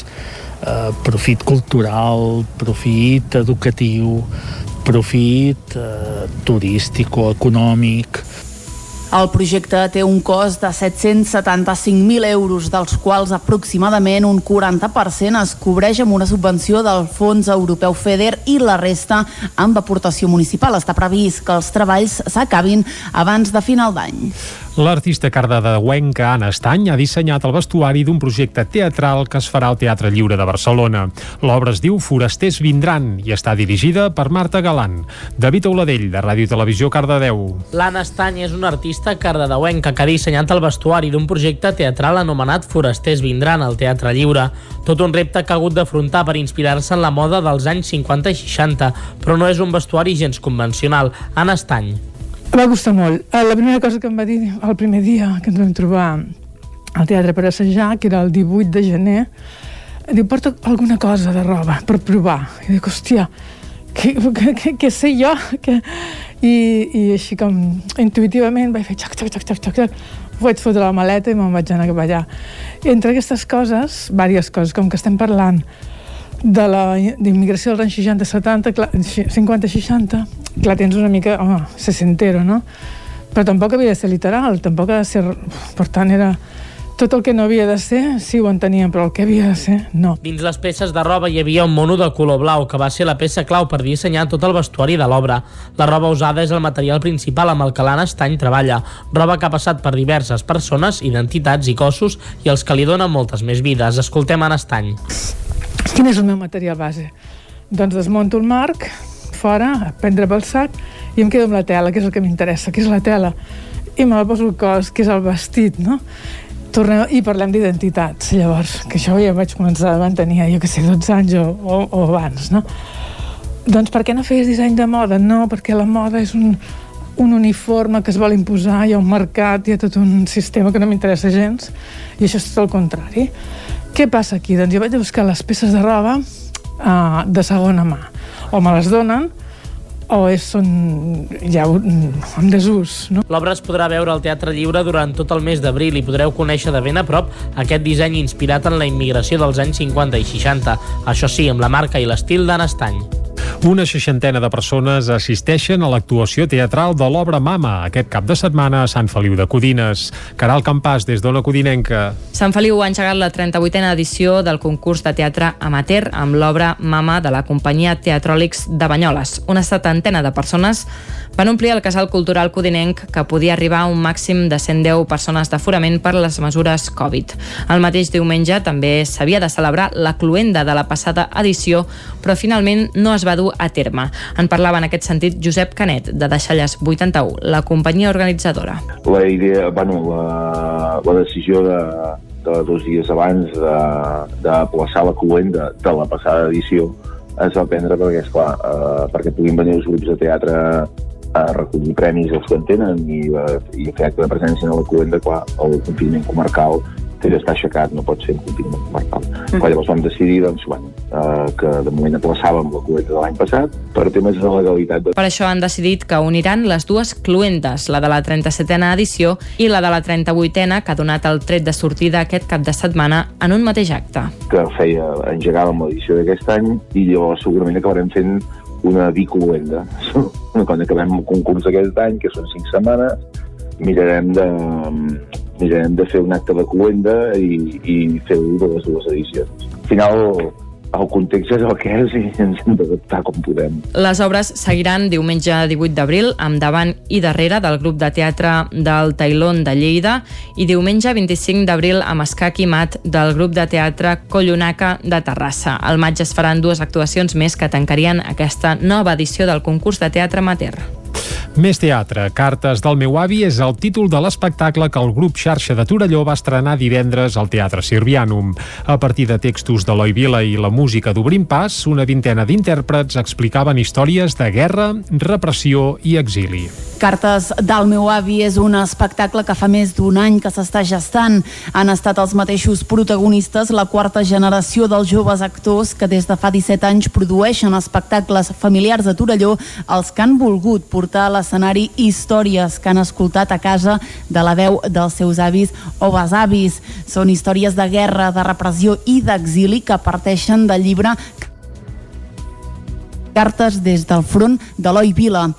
El director del muntatge és Jordi Torres. Aquesta quarta generació eh, ens varen eh, implicar primer ells van ser els, els interessats a parlar d'aquest tema perquè tots ells tenen eh, besavis que havien viscut doncs, aquesta tragèdia i aleshores els hi ha interessat molt parlar als seus companys i, i, i al públic en general. Eh, hi ha més d'un any de feina perquè eh, és un espectacle que interrelaciona el teatre, la dansa i la música en directe, que això és un afegit molt complex. La música la interpreten en directe quatre músics posant en escena d'aquesta manera un espectacle polifacètic amb teatre, música i dansa. Jordi Torres. El fet de tenir música en directe hem pogut fer unes adaptacions de cançons d'Obrim Pas, un grup superimplicat amb la llibertat dels nostres països catalans.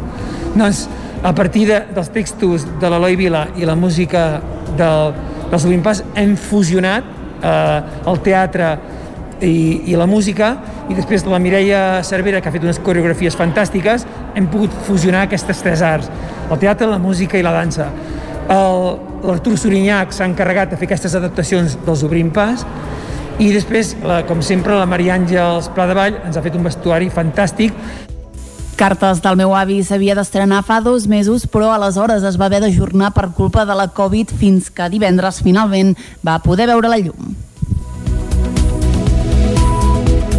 Aquí, fins aquí el butlletí informatiu de les 10 del matí que us hem ofert amb les veus de Clàudia Dinarès, David Auladell, Caral Campàs i Isaac Muntades. I ara, abans d'anar cap a l'entrevista, el que ens toca és fer una nova ullada al temps.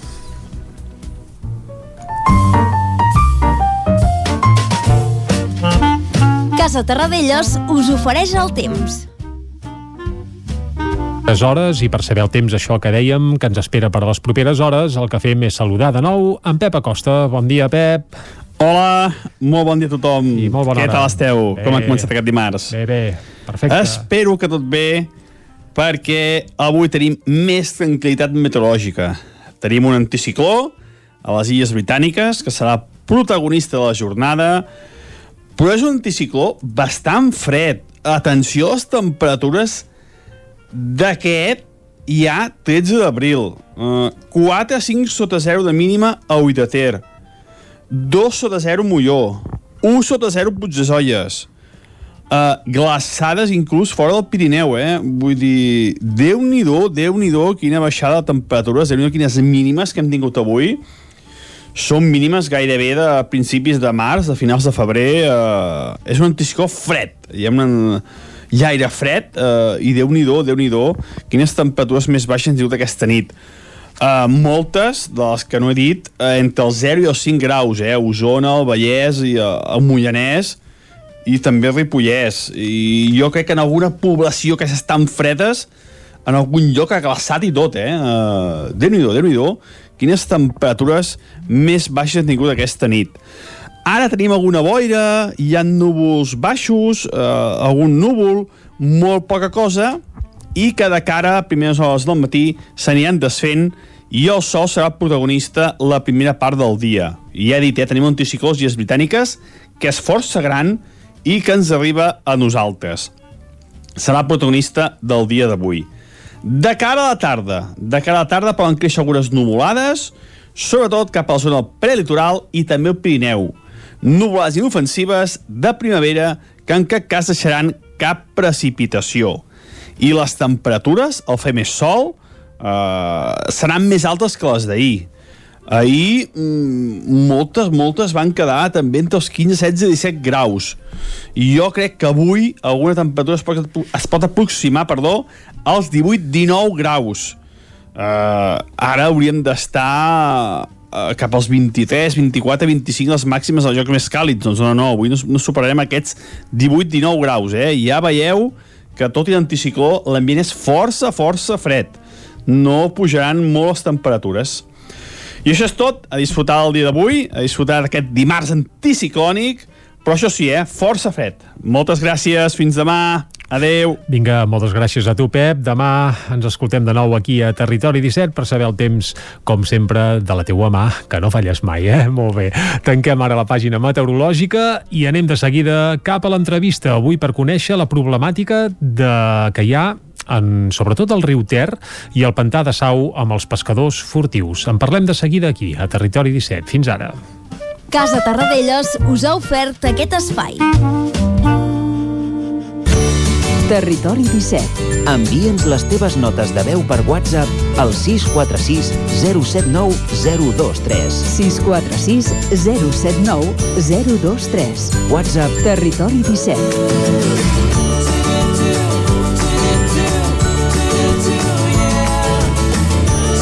Territori 17. Som a Facebook, Twitter i Instagram amb l'usuari Territori 17.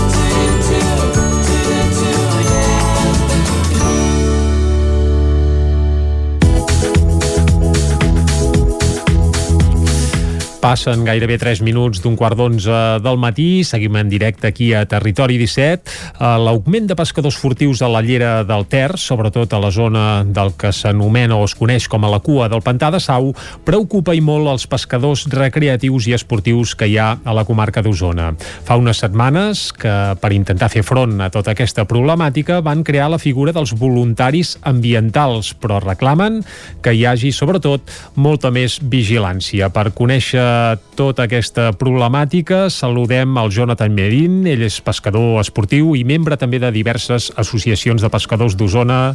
Jonathan, molt bon dia. Molt bon dia. Uh, primer de tot, aviam, què és la figura d'un voluntari ambiental i què fa? Bueno, més que tot és intentar controlar els pescadors furtius o els que estan fent pràctiques que són il·legals Uh -huh. I controlar també la, o sigui, fogueres, que no deixin residus eh, com bessura, llaunes i tot, perquè està tot ple a vora l'aigua, al pantano, perquè últimament el que ens estem trobant allà que és sembla un càmping, o sigui, no es va pescar. I tot el que es baixa i tot el que es pren de menjar de bessura, pues, la gent, malauradament i per llàstima que sàpiga, ho deixen tot allà tirat en bosses i ni en bosses, tot per terra.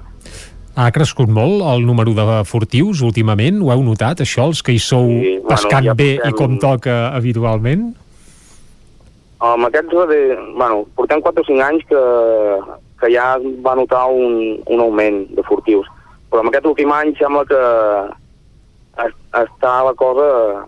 O sigui, hi ha molta gent, més de lo normal, ja no s'amaguen tant com abans s'amagaven més, ara ja van els pastos que queden més a la vista de tothom, perquè al cap i a la fi, quasi, eh, la majoria de la gent ja són ells. O sigui, la gent d'aquí té un respecte ja que hasta els hi fa cosa, com pot ser la gent gran, eh, pares amb els fills i tot, baixar perquè es troben en, en situacions que són incòmodes hasta pels nens, per la gent gran, i molta gent ja opta per, per no anar-hi. Uh, expliquem que aquest perfil de pescadors furtius, diguem que no és gent que ho fa per necessitat, és a dir, per menjar peix, sinó No. que això seria una ultraminoria, eh? No seria ben bé el cas, aquest, eh? Perquè quin seria No, el perfil d'aquests furtius?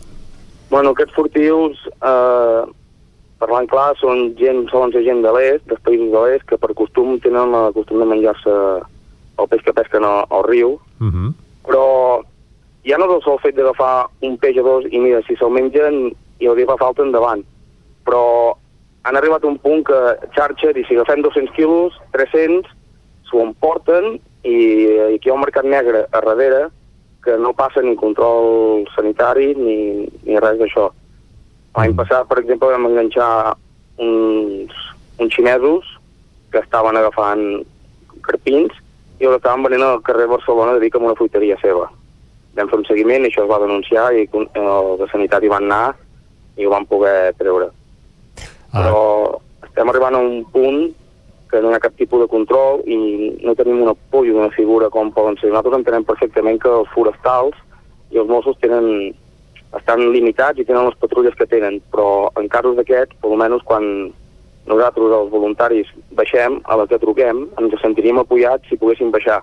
Perquè nosaltres hem baixat quatre vegades i amb aquestes quatre vegades pues, hem trobat a 40 furtius, per dir-te alguna cosa, que els hem pogut fer fora, no hem demanat papers, no en tenen, però nosaltres no tenim eh, la potestat de poder fer cap denúncia. Clar, com a voluntaris ambientals, vosaltres ni podeu imposar sancions, ni podeu fer denúncies, No. simplement podeu No. fer de, entre cometes, Avisar. tasques informatives, pedagògiques, Exacte. però mm, gaire més enllà d'això suposo que no, eh? Mhm.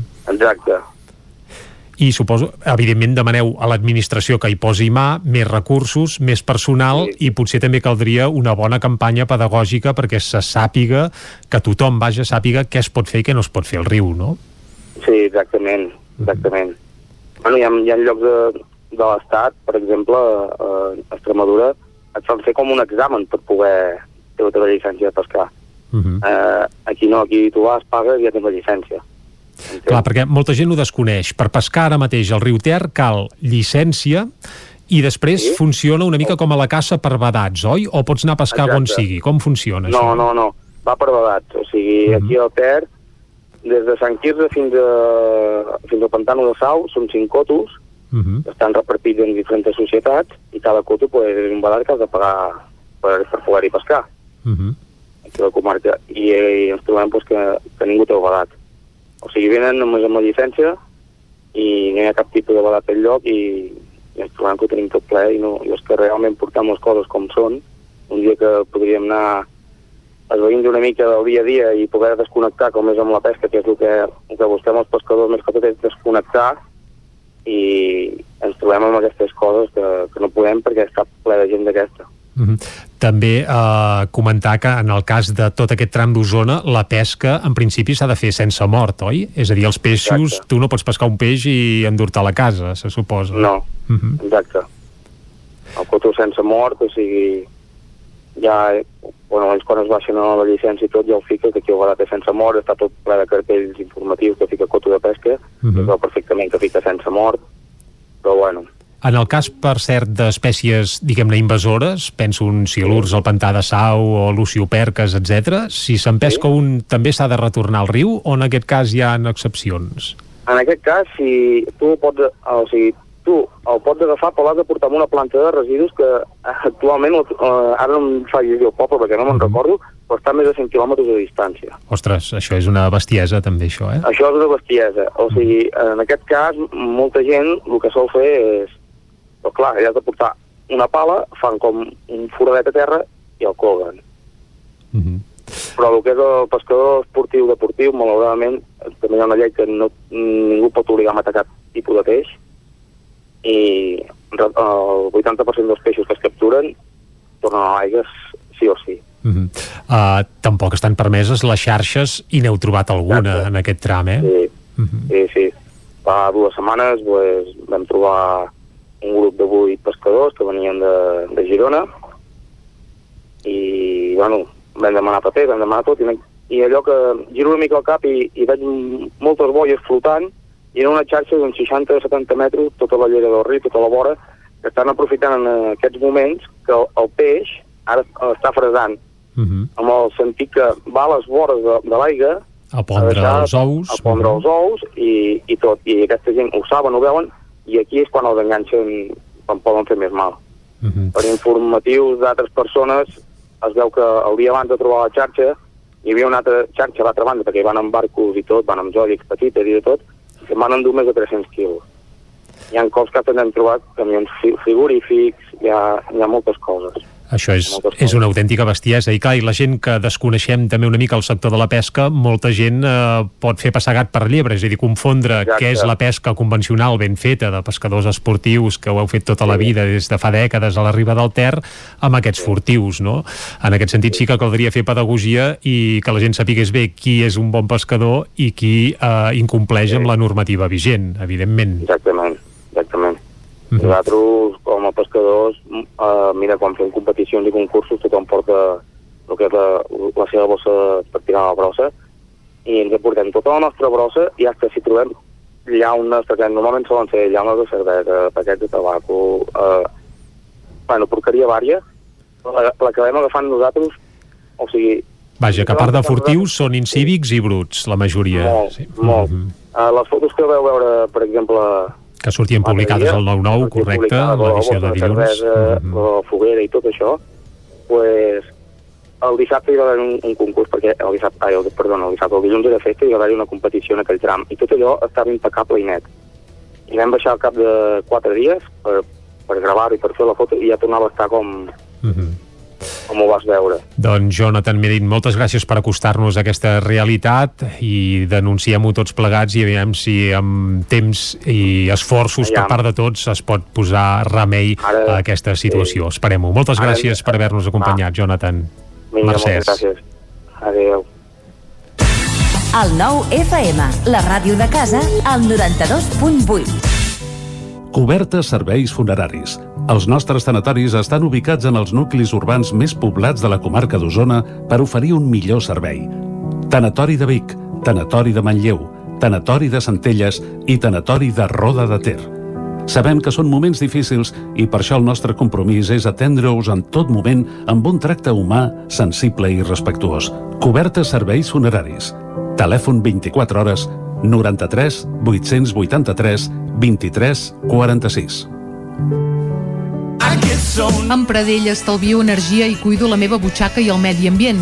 Posa't en mans de Pradell. Són experts en calderes de gas i condensació, estufes de pèl·let, energia solar, terres radiants, geotèrmia i aerotèrmia. Pradell instal·la calderes de biomassa per a particulars i per a empreses. Si vols estalviar un 50% en consum, contacta amb Pradell i passa't a les energies renovables. Pradell som a l'Avinguda Països Catalans 27 de Vic. Telèfon 93 885 11 97. Pradell.cat. El nou FM. La ràdio de casa al 92.8. Busquem mares i pares amb consciència. Nodrissa Cuina Escolar és un servei per a menjadors escolars amb uns criteris nutricionals molt seriosos. Som a la comarca d'Osona, a Gurb, des d'on cuinem diàriament l'aliment pels vostres fills i filles. Productes de proximitat, canell de cuina i servei seriós. Volem treballar amb i per a vosaltres i si alguna cosa hem après és que no tot s'hi val. Producte i servei exigent per uns clients honestos. Nodrissa Cuina Escolar, el teu nou partner per al vostre menjador escolar. Entra a nodrissa.cat i informa-te'n. Vols gaudir d'un bon arròs a casa sense no haver d'embrutar ni preocupar-te per res? La Fogonera, paelles per emportar. Un seguit de paelles, tapes, platets i postres casolans pensats per a paladars exigents. Ara més fem menús per a petits grups de comensals. La Fogonera, la rosseria de paelles per emportar a Gurb i que també et portem a casa. Telèfon 93 851 55 75 i a lafogonera.cat. I quan cau la nit, Pupurri Culinari, solucions per sopar les nits de divendres i dissabte. Entra a pupurriculinari.cat i tria. A Aquari Jordi hi trobaràs periquitos, canaris i tot tipus d'ocells, conills, hàmsters, ratolins, rates índies, peixos tropicals i molt més. Aquaris, tortugues, joguines i tots els complements i menjars per tot tipus d'animals. Vine a informar-te de totes les nostres ofertes. Aquari Jordi som al carrer Nou número 34 de Vic i també a Instagram.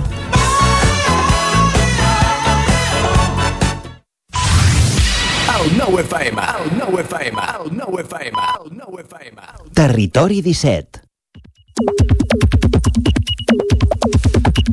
Dos quarts d'onze en punt del matí, seguim en directe a Territori 17 i el que ens toca ara quan som a l'equador del programa és fer un repàs a les piulades i és per això que saludem l'Isaac Moreno. Isaac, bon dia. I bona hora.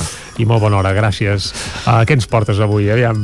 Per exemple, Jordi Vilarrodà, que piula des del Ripollès, diu Un INDEP dels convençuts em deia avui que l'import honrava la negociació del govern, que ja avisaran quan es posin d'acord. Ara només aspira que a casa hi hagi salut i els vacunin algun dia. Ell en té més de 50 i menys de 60, com jo. No he pogut, no he pogut fer més que donar-li la raó. Segur que n'hi ha uns quants més que pensen com ell. Més piulades. Obrim capítol de les pluges de diumenge. Godai Garcia piulava i diu La gent que viu a pobles i no veia que feia falta aigua a gallades no és de poble. Doncs mira, Si els camins estaven plens de vols i una bona remullada va anar molt bé, això és veritat. Ignasi Camps també piulava ahir. Bon dia, ja sou llevats dilluns emboirat i humit que el bosc i les pastures agraeixen. 34 litres han anat molt bé. Ha plogut, bon dia. Pam, pam, pam. Fantàstic. Uh, Albert Espadamala diu Acabo de trobar dues persones muntant a cavall dins el camp de blat. Evidentment, no han vingut des de Barcelona. No, semblaria que no. Uh, en fi, aquest incívics n'hi ha tot arreu. Sí, avui hem parlat precisament d'incívics en el món de la pesca, que n'hi ha uns quants, també n'hi ha, doncs bé, fent equitació, es veu. Uh, Pep Poblet piolava en relació a la notícia que apareixia diumenge, últimíssima hora, deia la justícia prohibeix que Cantó sigui candidat al PP i en Poblet deia, horror, que tornarà al teatre. N'hi ha que diuen que de comèdia n'ha continuat fent igualment, eh? Però vaja. Bé, això, de la manera que canvia de jaquetes, és evident que com a actor hi té, té, té fusta l'home, perquè clar, ho ha fet i amb bastanta alegria en els darrers anys. Sí, sí. Carme Cara, obrim el capítol literari. La seva parella es va desconcertar quan va llegir la lletra menuda. En teoria, tot semblava apuntar una realitat indiscutible. Va decidir abandonar una sèrie de responsabilitats fins a donar-se'n del greu error que havia comès. Ara, però, no podia fer marxa enrere. Etiqueta microcontes. Doncs mira, ja està. De tant en tant a Twitter també trobem coses maques. Molt bé, fantàstic. Això està bé, alegrar el dia. Més coses. Obrim pàgina ple de Vic, ahir va haver-hi ple, i la posició va sortir dolguda, molesta. Pere Freixa, de Capgirem. Ahir, a l'últim capítol dels plens telemàtics de l'Ajuntament de Vic, la majoria absolutista va aprovar multar les persones necessitades que busquin coses a les deixalles i es carrera els cartellets de ciutat a la mesura humana s'hi amaga la dreta de sempre. També es va aprovar l'adhesió al Pacte Nacional per la Mobilitat Segura i Sostenible, mentre s'aprova fer aparcaments al mig del casc antic en contra del pla de mobilitat per afavorir interessos privats amics. Això són només alguns exemples, diu. A la mateixa línia des d'Esquerra, Roger Mas surto del ple de Vic amb la desagradable sensació que en general l'equip de govern ni tan sols els, es molesta en explicar els punts i que les poques vegades que contesta les crítiques ho fan amb una actitud poc constructiva. Una majoria absolutista. Seguirem treballant per canviar-ho. I encara la Maria Balàs, també d'Esquerra. El dia després del ple, el sentiment és de tristor. No em puc creure que el govern de l'Ajuntament de Vic hagi aprovat una ordenança que el que fa és posar multes a les persones necessitades que busquin coses als contenidors. En fi, eh, ja veus que va haver-hi... Caliu, Caliu. sí, sí. Mhm. I el ple es va allargar eh, fins a més enllà de dos quarts de nou. Jordi Remolins, és el Ripollès, diu La vida és com un combat de MMA. He hagut de buscar això de la MMA, és una mena de boxa, eh? Explica'ns. Ah, és una boxa, val. On tard o d'hora en surts derrotadíssim, ja sigui per submissió, per knockout o per punts, per moltíssims punts. Carai, tu, està... Ahir estava moix, sí, Remolins. Bé, bé. I acabem, en canvi, amb el tuit optimista de la Maria Nicolau, des de la Nova de Sau. Acaba de sortir la guia Repsol del 2021 i ja he deixat anar la llagrimeta. El Ferrer del Tall hi segueix sent a mi, i a mi em fa molta il·lusió perquè som un restaurant normal i m'eixampla el cor que un restaurant normal com nosaltres hi tingui lloc. Xin, xin, i cita la mestressa de, del restaurant, la Lídia Montgai.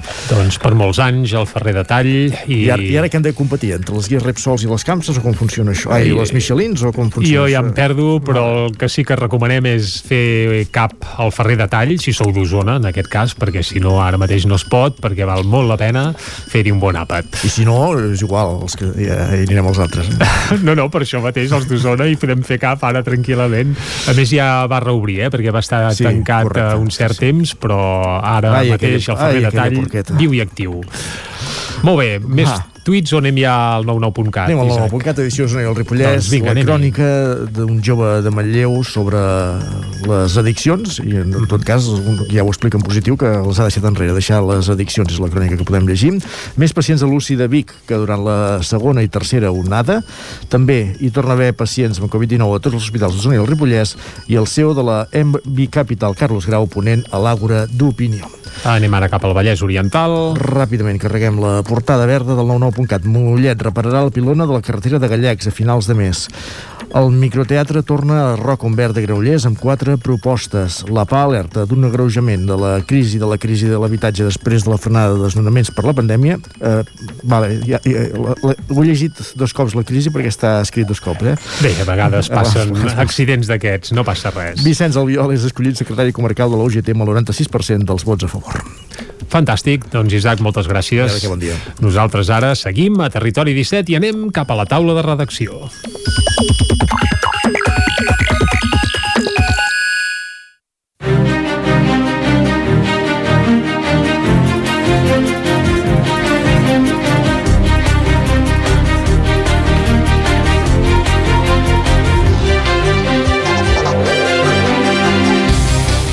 Una taula de redacció que avui compartirem amb Isaac Muntades i Guillem Rico. I començarem saludant a l'Isaac Muntades, que és a la veu de Sant Joan, però que no sé si es va atensar al torrent de la cabana durant els dies de Setmana Santa. Isaac, molt bon dia.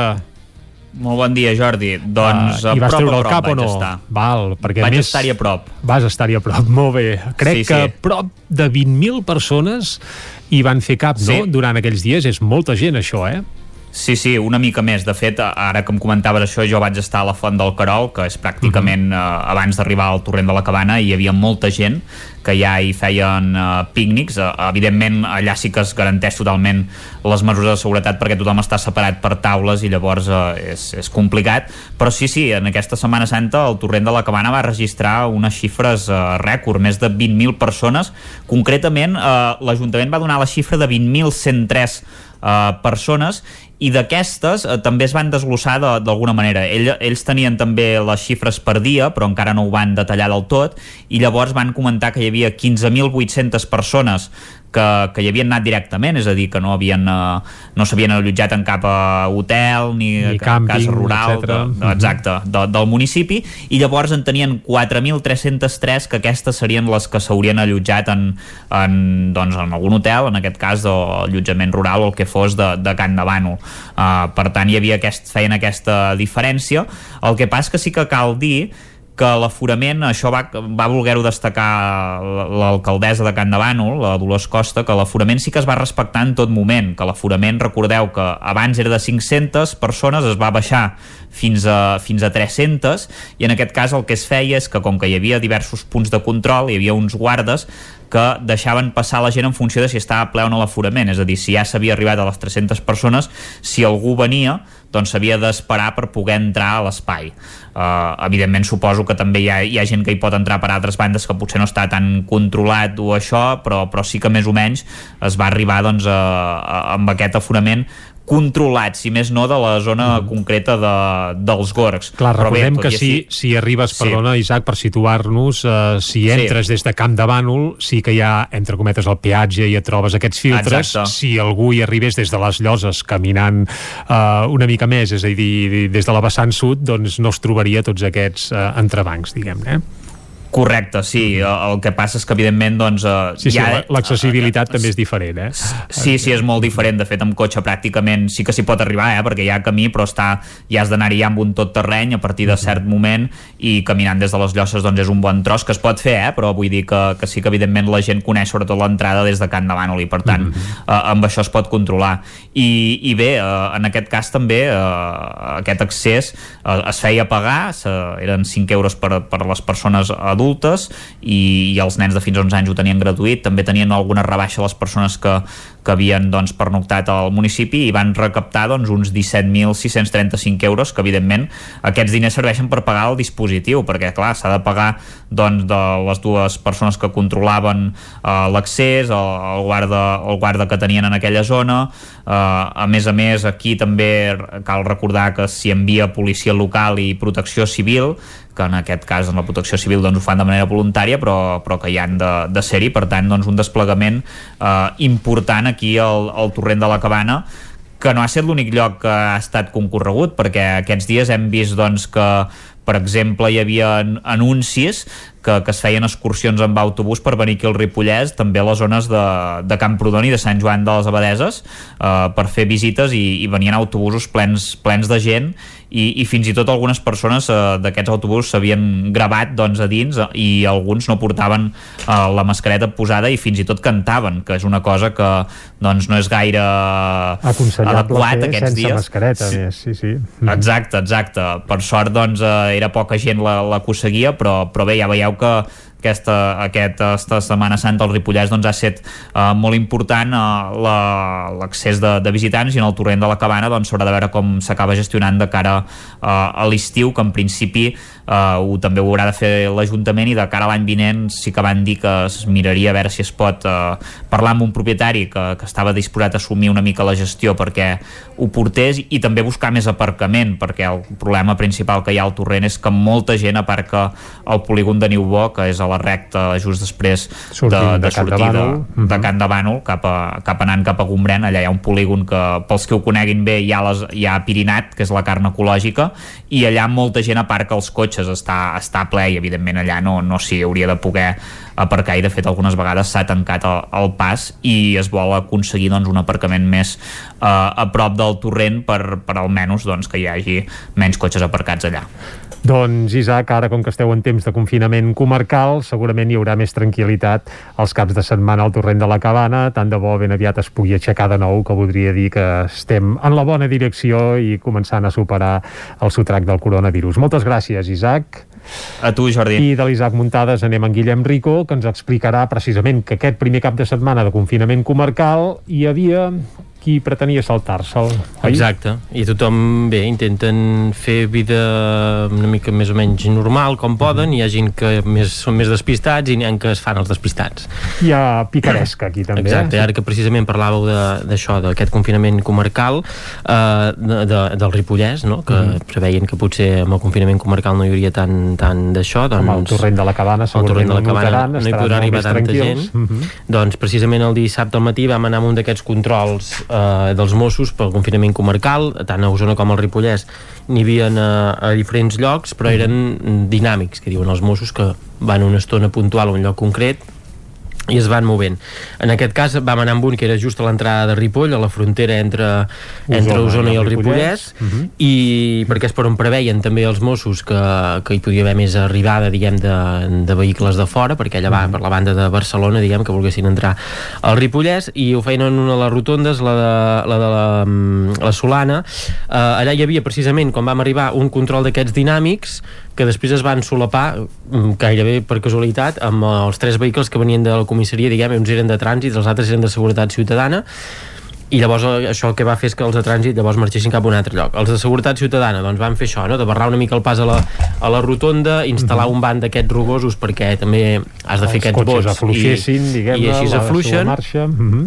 i llavors el que feien era anar demanant doncs, a tots els cotxes Què a veure d'on venien i què anaven a fer. Sí que és veritat que per agilitzar, a vegades allò de dir, ostres, estem fent un control i no m'han demanat res, m'han deixat passar. Per què? Doncs perquè probablement eh, passava el que passava el dissabte matí a, allà a Ripoll, que un dels Mossos que hi havien, a través d'una tauleta, es connectava a la base de dades, entrava a la matrícula i si ja li sortia que era una matrícula de Ripoll, o, doncs en aquell cas ja no el paraven ja donaven per fet que estava tornant o, o també, com que estaven molt a l'entrada de Ripoll i hi ha vehicles que poden venir de les Llosses, que encara és dins de la comarca, doncs, eh, doncs passava això.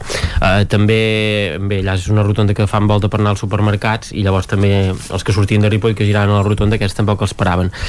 Sí que mm, uh, això, sí que vam, vam detectar algunes excuses que, que, que posaven... Va, citem-ne alguna, que segur que de alguna, per exemple, excuses que s'hi valen. Uh, per exemple, uh, anar a fer un partit de futbol si estàs federat. Clar, això Però que si tu vas, nens, a, val. amb, si són en cas dels nens, només poden anar acompanyats d'un adult. Mhm. Sí que s'hi val que dins el cotxe de l'adult hi vagin altres nens del mateix equip. Però no pot anar el nen amb el pare i la mare o amb dos familiars, sinó que pot anar-hi només amb un Un familiar. adult i jugadors, diguem Exacte, i llavors els altres grans que, que anessin a jugar també també ho podien fer. També es permetia, eh, feien girar cua, per exemple, un senyor de Torelló que, que anava a comprar Ripoll. Mhm. Per què? Perquè ja té supermercats a Torelló, per exemple. O si Era un dia que- que, que que, Ripoll era mercat. Sí, sí. o que pogués anar a Vic. Però, per exemple, sí que deixaven passar eh, gent de Montesquieu o de Sora, que Mhm. els queda més a prop Ripoll que Vic, i que ja solen anar a comprar eh, a Ripoll, a perquè són pobles petits que no tenen totes les necessitats cobertes.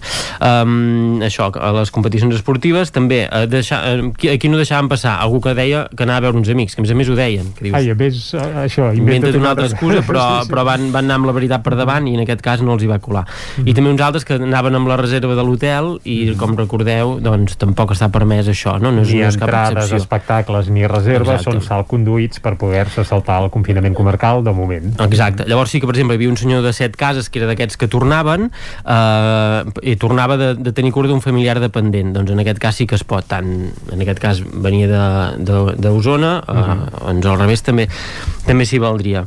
I, per exemple, eh, això, eh, amb, els, amb, amb els que hi havia més dubte, eh, els, els feien anar al costat a l'aparcament i llavors allà s'ho revisaven bé. També, per exemple, eh, hi havia un senyor que deia que era de Camprodon, però que no portava el DNI. Portava només el carnet de conduir, i jo no m'hi havia fixat mai, però el carnet de conduir no diu l'adreça. Depèn, els nous, eh, crec bueno, que sempre aquests- els antics no, és veritat. Uh, Mhm. bueno, jo el meu vaig Sí, sí. fixar-me i és veritat que no ho diu. Llavors, uh, van comprovar amb la matrícula que el cotxe uh, el domicili del cotxe, diguem, era Camprodon i llavors van entrar en una altra base de dades amb el, amb el carnet de conduir que també confirmava que era de Camprodon i llavors sí que en aquest cas va poder passar. va poder passar. Um, per tant, doncs això són algunes de les, de les excuses que que, doncs, que, ens vam anar, que ens vam anar trobant en aquests controls. Recordem que aquest cap de setmana o, i durant tota la setmana de fet doncs això ja continua vigent Uh, no és res nou perquè ja havia passat abans sí que en I aquest tant. cas recordeu que quan es va tancar el Ripollès eh, per Nadal que era Uh -huh. uh, específicament un tancament del Ripollès es feien aquelles cues a l'entrada uh, aquí en aquest cas de cues no n'hi havia tantes i també era més, més àgil i això també van, van també hi ha qui li van trobar que tenia l'ITV caducada també el van alertar, no? són aquelles coses que quan se't fixen més amb el cotxe doncs has d'estar al cas que per no, cert, anar a que no sí que s'hi val que és una excusa per uh, saltar-se el confinament comarcal, es veu. Si l'has d'anar a passar a Ripoll, es veu Doncs que hi mira, pots doncs- anar en cas que siguis de Torelló. en aquest exemple. cas eh, aquesta persona no era, era un entrenador de- d'un equip de, esportiu Però que venia de Sabadell i no anava a renovar. i no anava a eh? renovar l'ITV perquè en tot cas a Sabadell segur que té algun lloc més a prop abans d'anar a Ripoll per renovar la, la ITV però sí, això, alguns despistats, alguns amb una excusa més elaborada, també una senyora eh, del Pens que deia que anava a la piscina i a comprar Carai. perquè estava apuntada a la piscina que deia que el metge li, mm, per l'esquena li feia anar i va Clar, dir un al altre dia ja portaré a dir no al metge que em faci un paper Mhm.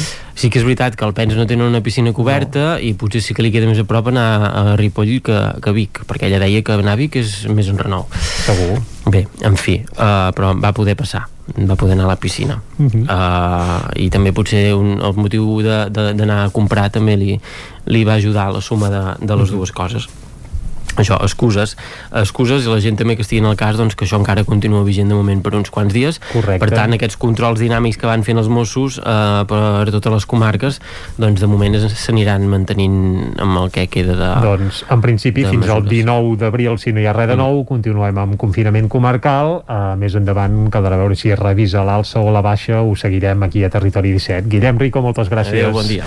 Tanquem aquí la taula de redacció que avui hem fet amb Isaac Muntades i Guillem Rico.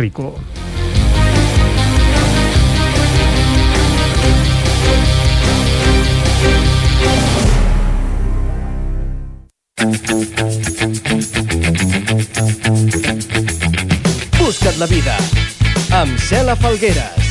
I quan passen 3 minuts i mig de 3 quarts d'11 del matí, saludem la Txela Falgueres. Txela, molt bon dia. Hola, molt bon dia a tots. Bon dia, bon dia. Bon dia. Deia, a veure, una cosa són excuses i l'altra són motius, eh? L'excusa és el que el vols fer passar per motiu. Sí, hi ha quan vols motius fer anar gat per llebre, sí. No? Exacte. Avui us porto un programa estupendo. Què us he de dir? Si l'he preparat jo mateixa, Sense no? excuses, sempre és estupendo, home, Txela, i tant Exacte. que sí. Mireu, però és que avui us porto amb un viatge en el temps amb una Mhm. persona que és un busca la vida autèntic. Us explico una mica. Va. Als anys 90, la Caroline Corrich es va traslladar de la seva França natal a la Vall Fosca amb en Rafa, el seu marit. Es van instal·lar en una casa en ruïnes que van haver de reconstruir i moblar i aviat la Caroline va voler començar a decorar amb cortines i coixins i així molt rústic. De fet, la Caroline no sabia cosir i la seva sogra, que era cosidora professional, li va ensenyar com fer funcionar la màquina, com triar els teixits i com començar. De mica en mica, ella, de forma autodidacta, als anys 90 no hi havia internet, no hi havia tutorials, eh? No, no, no. Eh, anar fent les seves proves. La Caroline va anar aprenent a manegar teixits i fer dissenys fins a arribar a fer les seves creacions de costura històrica. Costura històrica us heu d'imaginar vestits d'aquells de la Jane Austen, de, de Sentido i Sensibilitat, de Cumbres Borrascoses o Outlanders, vestits, diguem-ne, d'època. La Caroline així va fer néixer l'atelier Serraspina, que tal com diu ell és vestuari, vestuari històric pel que no passa el temps. L'entrevista que escoltarem a continuació, que és pregravada, és una selecció de 10 minuts perquè l'entrevista sencera, que és plena d'anècdotes i detalls de les seves clientes i bé, no té pèrdua per mi, us la deixaré sencera a la web de la Busca la Vida. Per tant, si us sembla, anem a fer un supertastet de la Serraspina amb la Caroline amb aquesta entrevista d'avui. Som-hi? Som-hi, fantàstic, anem-hi. Com va néixer aquest primer mm, vestit històric que vas fer amb les teves mans? és, és una història una mica curiosa, perquè jo, bueno, jo com molta gent crec, sóc una apassionada primer de la història i després m'encanten totes les novel·les històriques, les sèries històriques, les pel·lícules històriques, i quan jo veig una pel·lícula històrica fixo en, en el vestuari, o sigui, em perdo la trama i em miro el vestuari, espero que el personatge es doni la volta per veure com està fent el traje per darrere, no? coses d'aquestes. No? I llavors jo pensava sempre mirant això, lo que jo crec que molta gent, moltes dones, sobretot, pensem, ostres, quina sort de portar aquests vestits, no? Com m'agradaria portar aquest tipus de vestit avui en dia. I llavors vaig pensar, bueno, i per què no, no? I, eh, mirem de, de fer-ne per, per mi al principi no tenia idea de negoci, no? per eh, inspirar un, un vestit en la història, però que sigui una cosa que es pugui portar avui, no? que és, és, és una mica el que després, a, a, ara en el meu, també en el meu treball estic buscant uh, el cursor on el posem perquè el vestit sigui socialment acceptable. No? Llavors, ja, ja, ja, ja faig reconstitucions de vestits històrics que, que de veritat sí que tu pots posar perquè tenim la llibertat de fer-ho. Ara, si te poses això per anar a treballar a l'oficina, cridaràs una mica l'atenció, eh? O sigui que això sí, a més a més que no és pràctic per, per pujar les escaleres del metro, tampoc està I deu pesar, no? Deu pesar bastant aquestes teles, I semblen molt, molt denses. pesen. Si tu penses que un vestuari complet del, dels que faig pot arribar a pesar tot el conjunt 3 quilos i mig, 4 quilos a sobre.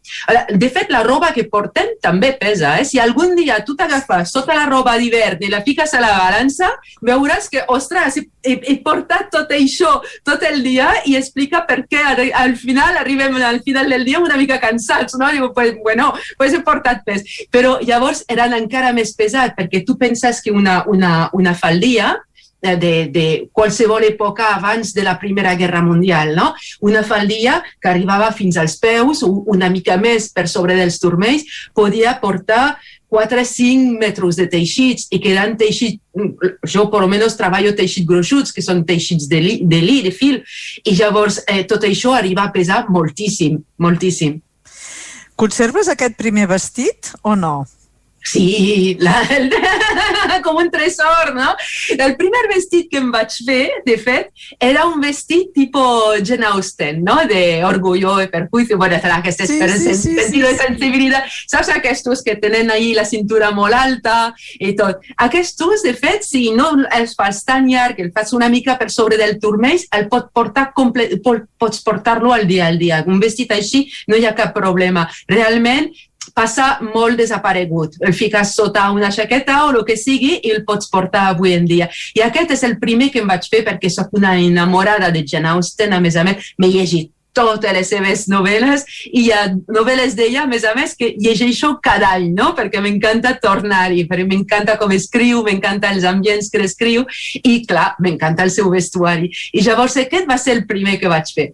D'aquest vestit ara ja desenvolupes col·leccions. Com et documentes per arribar a desenvolupar totes aquestes col·leccions? Doncs, eh, primer, eh, lo, lo, que, lo que he fet és focalitzar-me en, una, en una època concreta. Quan fas vestuari històric, hi ha dues direccions que tu pots agafar. O entras en el món de lo que seria la disfressa, de lo que la gent, per exemple, eh, compraria o llogaria per un, un event. Llavors tu agafes des de l'època romana fins a la Segona Guerra Mundial, per dir-ho així, i fas una mica de tot. Jo el que he fet és agafar una, una època concreta de la història i investigar-la a fons, no? És, és molt diferent. I aquesta, aquesta època és, diguéssim, els últims anys del segle XVIII. És una època que a mi m'encanta per molts motius, però sobretot pels grans canvis que va, que va comportar la societat precisament d'aqu- d'aquells 30 anys.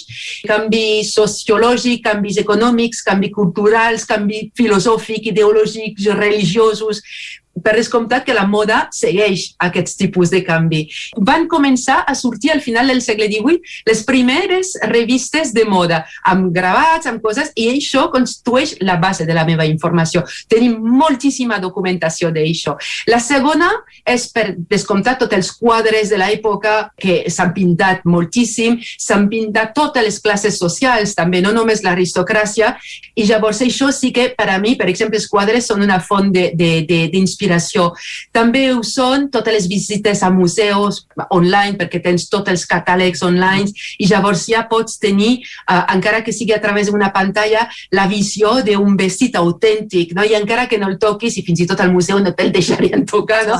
però és que et veus com està fet, tens una idea de la textura, de, de com, encara que sigui només per la imatge de lo que deveria pesar sobre el cos de la persona, tot això ho pots anar veient. I també les novel·les. Les novel·les també són molt interessants, perquè a les novel·les hi ha descripcions de vestuari, llavors eh, hi ha descripcions de teles, de colors, de coses d'aquestes. Llavors, tota aquesta informació la vaig apuntant i la vaig guardant i dius, pues mira, faré el vestuari d'aquest personatge tal com jo me l'imagino, no? Com, com, com podria ser, no? Actualment només vens online? Com ha sigut la teva expansió? Com va ser el teu naixement de la teva primera botiga online? D'entrada vaig fer tot, diguéssim, tota la meva comunicació empresarial la vaig fer en anglès, perquè em vaig adonar molt ràpidament i sobretot a través, investigant una miqueta a través d'Instagram, que realment la gent disposada a comprar-se un vestit històric estava als Estats Units, al Canadà, al nord d'Europa. De seguida, d'entrada, tot es va fer en anglès. Abans, fins i tot, de fer la meva pròpia plana web, el que vaig fer és vendre a través d'una plataforma que és molt coneguda als Estats Units, que es diu Etsy. Als Estats Units i Canadà hi ha molta gent que, per exemple, per comprar qualsevol regal, qualsevol cosa, anirien a Etsy perquè és una plataforma que reuneix només artesans. Em vaig fer el forat ahir, al principi era molt complicat perquè, clar, hi ha un comptador de ventes, no? I al principi tens el comptador a zero, no?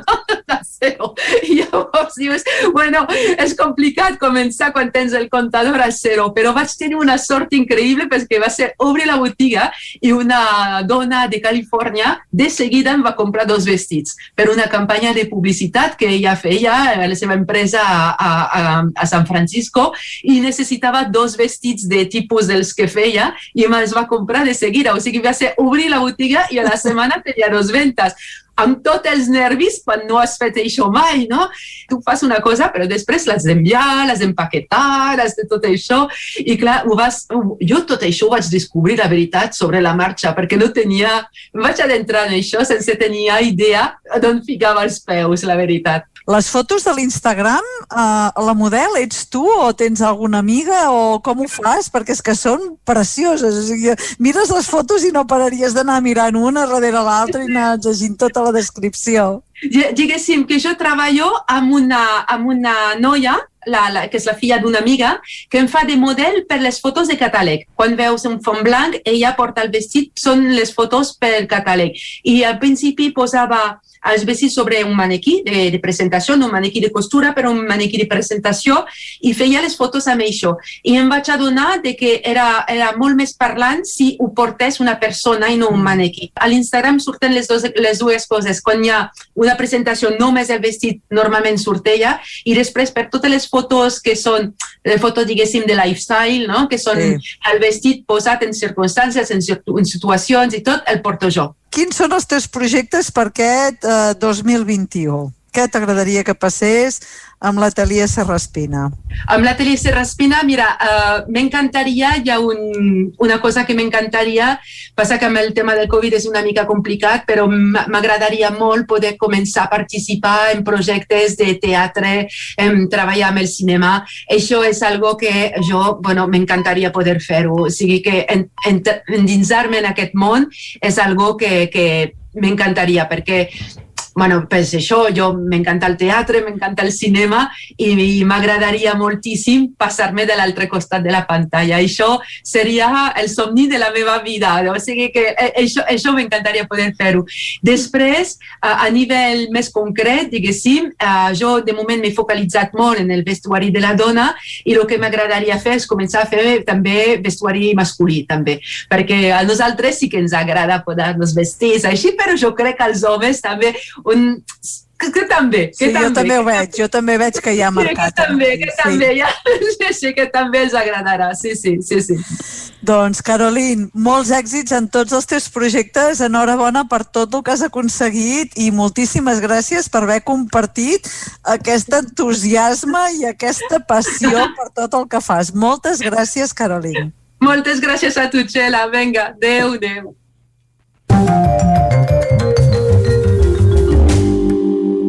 L'app d'avui són els exercicis fitness de Get Fit. Buscant les recomanacions de l'App Store em vaig trobar amb una frase que em va cridar l'atenció. Diu, entrena com els astronautes. I vaig dir, què és això, no? Els astronautes passen un llarg procés d'entrenament que els garanteix la salut física i mental. Aquesta app diu que ha creat un entrenament ràpid i un pla d'exercicis inspirat en aquest entrenament dels astronautes professionals. Exercicis pels quals no necessitem cap mena d'equipament i que diuen que et faran suar de valent. A mi això ja em tira una mica enrere, eh? Uh Mhm. -huh. En fi, hi ha entrenaments de 7 minuts per cremar greixos, hit, muscular o de glutis, entre molts d'altres. Està disponible per Android i iOS i, segons diuen, de forma gratuïta i amb compres integrades. Tot i això, molts usuaris es, creixa, es queixen de que realment no és gratuïta i que al cap de 3 dies ja et demanen que insertis el número de la targeta. Tot i això, la nota dels usuaris és un 4 de 5. Anem a les notícies. Anem-hi. Bé, direu, és notícia o no, però l'Ada Colau va anunciar ahir que deixa Twitter. Entre els seus arguments hi llegim la tirania de la presència permanent, sembla que cal opinar de tot a tota l'hora, amb una polèmica bastant constant o situacions d'assetjament i discussions infructuoses que ha viscut. Tot i això, l'alcaldessa de Barcelona seguirà present a Instagram, Telegram i Facebook. WhatsApp treballa amb una funcionalitat per competir amb Visum. Després del resultat fallit del llançament de WhatsApp Pay al Brasil al juny de l'any passat, Mark Zuckerberg torna a escalfar motors per desembarcar en diversos països on l'aplicació de missatgeria instantània té un gran ús. Estats Units, Indonèsia, Mèxic, Rússia, Alemanya, Itàlia i Espanya, entre ells. El gran referent d'aquest WhatsApp Pay seria la xinesa WeChat. I està clar que en Marc no vol deixar de jugar a escala global. I per acabar, un xof. Recordeu que la setmana passada vam parlar que si Amazon defensava amb dents i ungles que no hi hagués el, sindicat a, I tant. a Alabama? Ho recordem. Doncs ha guanyat la batalla. Uh, això, tota aquesta, aquesta possibilitat de naixement del sindicat va acabar amb un foc d'encenalls. I amb aquest mini xof acabem el programa d'avui, però us emplaço que ens tornem a escoltar la setmana que ve en un nou Busca la Vida. I tant que sí, doncs Xela, moltes gràcies. T'esperem això dimarts que ve aquí a Territori 17. Moltes gràcies. I nosaltres ara, quan són les 11 i gairebé 4 minuts del matí, us acostem de nou l'actualitat de les nostres comarques, les comarques del Ripollès, Osona, el Moianès i el Vallès Oriental. Territori 17, amb Vicenç Vigues i Jordi Sunyer. Les noves variants del coronavirus es transmeten amb més facilitat i provoquen quadres clínics més greus. Per aquest motiu, les UCI dels hospitals catalans registren una ocupació molt elevada, que ahir era ja de 515 persones. A l'Hospital Universitari de Vic, els malalts greus de Covid-19 ingressats ja superen els que hi va haver durant la segona i la tercera onada. En les últimes dues setmanes, el nombre de malalts greus a causa de la Covid-19 a l'Hospital Universitari de Vic s'ha doblat. El darrer balanç de 22 pacients que requereixen cures intensives ja supera els de la segona i tercera onada de la pandèmia. Aquestes persones estan hospitalitzades entre l'UCI convencional, que compta amb 12 llits, i una unitat a la tercera planta que es pot habilitar tant per pacients crítics i semicrítics com per malalts en estat menys greu. Respecte a la primera onada, sí que s'han creat i funcionen correctament els circuits per derivar pacients cap a altres centres en l'anomenat clúster de la C17, que permet traslladar persones a l'Hospital Clínic de Barcelona o també rebre a Vic pacients de Granollers o de Sant Celoni en funció dels llits disponibles o el volum d'activitat de cada centre hospitalari. En el cas de Vic, ara mateix, la principal mancança no és de respiradors ni de material sanitari, sinó de personal expert en la cura de malalts crítics. Una cinquantena de persones van participar dissabte a la cacera de deixalles pels voltants de Viladrau que van organitzar la colla dels senglaners. En total van recollir una tona i mitja de brossa. Un esmorzar a la barraca dels caçadors va ser el preludi de la jornada de neteja que es va fer dissabte a l'entorn de Viladrau. Carregades amb bosses d'escombraries a les 9 del matí, una cinquantena de persones ja rondaven vorals de carreteres i zones boscoses del municipi. En total van acabar recollint una tona i mitja de brossa. A banda de netejar, l'objectiu principal de la jornada era conscienciar la població de l'impacte que té l'incivisme a l'entorn natural, un comportament que aquest any a causa de la pandèmia i de la major presència d'usuaris al medi ha crescut. Pere Arxer és el cap de colla dels senglaners de Viladrau. Diria que aquest any és pitjor, perquè a la tardor hi va haver-hi un volum de gent molt gran, molt massificat de gent, tot eh, aquí a Viladrau, tot el municipi, va haver una magnificació molt grossa de gent, i cada dia vam veure que hi havia més deixalles, més deixalles, el puesto que n'hi ha hagut més ha estat els vorals de la carretera, els vorals de la carretera és bestial el que hi ha, vàters, ja pot haver-hi de tot, i bueno, eh, no sé si de, també de les fàbriques que hi han, camioneros, no ho sabem, i un mitjor bosc hi ha de tot. L'alcaldessa de Viladrau, Noemí Bastiós, també es queixava de l'incivisme de molts visitants. Aquí estem patint una miqueta el que és eh, mostres d'incivisme força consta, constants, no? degut a, a que el turisme doncs, a, a l'entorn, al Montseny, doncs, s'ha doncs, massificat i, clar, doncs, eh, iniciatives com aquestes s'han de, evidentment, eh, premiar i agra agraïm doncs, eh, molt des de l'Ajuntament aquest, aquest, aquest voluntariat. La jornada es programa cada any un cop acaba la temporada de caça i en anteriors ocasions s'havia dedicat a obrir camins i corriols o recuperar fons. Tenint en compte l'èxit de la recollida de dissabte, els senglaners no descarten convocar-ne una altra abans de l'estiu. En el marc del programa d'arranjaments d'habitatges de la Diputació de Barcelona de l'any passat, l'Ajuntament de Cardedeu ha realitzat l'adaptació funcional d'habitatges a través de la instal·lació d'ajudes tècniques. D'aquestes ajudes s'han beneficiat 15 persones del municipi. David Auladell, de Ràdio Televisió, Cardedeu. La Diputació de Barcelona posa a disposició dels ajuntaments els serveis tècnics d'una empresa especialitzada que valora les necessitats de les persones beneficiàries, prescriu les actuacions a realitzar i supervisa, comprova i valida les intervencions que s'han de fer a cada casa per tal de promoure l'autonomia de les persones. A Cardedeu, 15 persones van sol·licitar aquesta ajuda i han estat aquestes 15 les que se n'han beneficiat.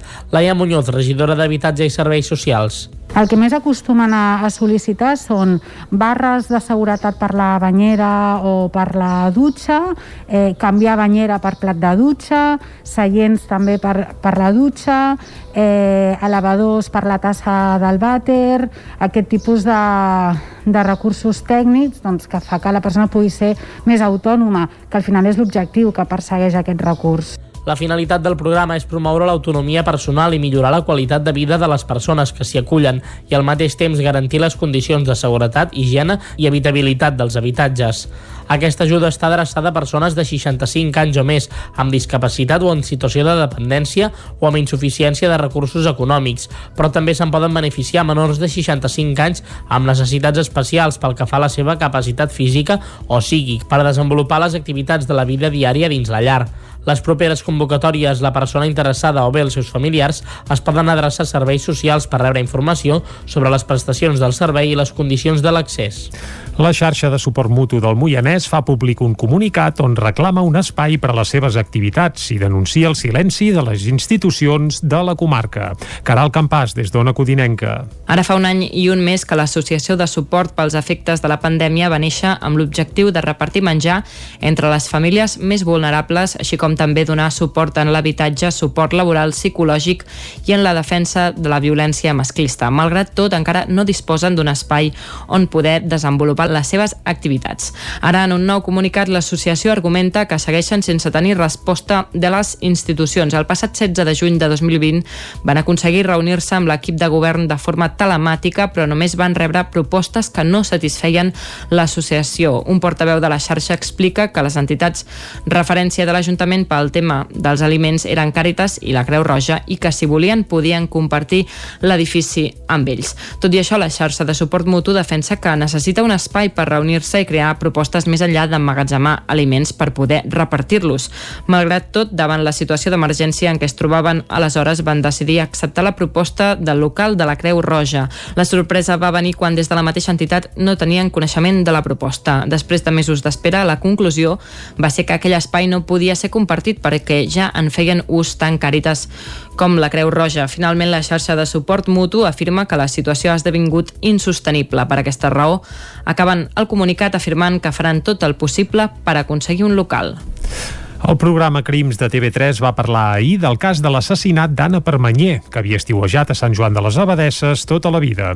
Isaac Muntades, des de la veu de Sant Joan. Aquest dilluns, el programa Crims de Televisió de Catalunya va emetre la primera part dels dos capítols del cas Permanyer. La víctima del crim, Anna Permanyer, era una psicòloga i mare de família de 53 anys que tenia una certa vinculació amb Sant Joan de les Abadeses, ja que ella hi estiuejava, i de fet la família encara hi té la casa. La tarda del 27 de setembre de l'any 2004 es va dirigir a fer una breu gestió a l'edifici Atalaia de Barcelona, a la confluència entre Diagonal i l'Avinguda Sarrià de Barcelona. La víctima hi tenia un pis en lloguer i la seva llogatera estava interessada a llogar-li el pis, la plaça d'aparcament i el traster. Permanyer va pujar a l'ascensor després de saludar el porter i ningú la va veure mai més en vida. El cas va colpir molt a tota la ciutat. El marit i els seus fills van passar per diversos platós de televisions per demanar que alliberessin a la seva mare, ja que es pensaven que era víctima d'un segrest. La difusió va arribar a tot arreu, fins que nou dies després d'haver desaparegut, la família va rebre una trucada dels que afirmaven ser els seus segrestadors, els quals van ser detinguts en un ampli dispositiu en què se'ls va fer creure que cobraven el rescat. Ells no sabien res de Permanyer i s'ho havien inventat per guanyar diners fàcils. El 7 d'octubre del 2004 es va trobar un cos al massís del Garraf, a prop de Sitges, embolicat amb bosses de plàstics i forts cops al cap i es va confirmar que era el cadàver de Permanyer. La llogatera del pis, Carme Badia, va mostrar al seu advocat el contracte d'arres de l'immoble signat per la víctima uns dies abans de la seva desaparició per un import de 600.000 euros, dels quals n'havia avançat 420.000. Vist que hi havia hagut aquest assassinat, la llogatera volia saber com quedava la propietat del pis. Segons Badia per Manyà li va vendre el pis i va confessar-li que tenia pensat marxar a Cuba i deixar la seva família enrere. El cas es resoldrà en el programa de dilluns vinent, però va generar multitud de reaccions a les xarxes socials i sobretot a Twitter. Per exemple, el Sant Joaní Marcel Miquel li va produir males sensacions quan va veure el cas, ja que coneixia la víctima i fins i tot havia fet classes d'estiu als seus fills. Això sí, la majoria de la gent del Twitter es queixava que els haguessin deixat a mitges i s'haguessin d'esperar una setmana més per conèixer la resolució del cas. També hi havia persones que criticaven la investigació de la policia per no haver interrogat la llogatera des del principi, que se'n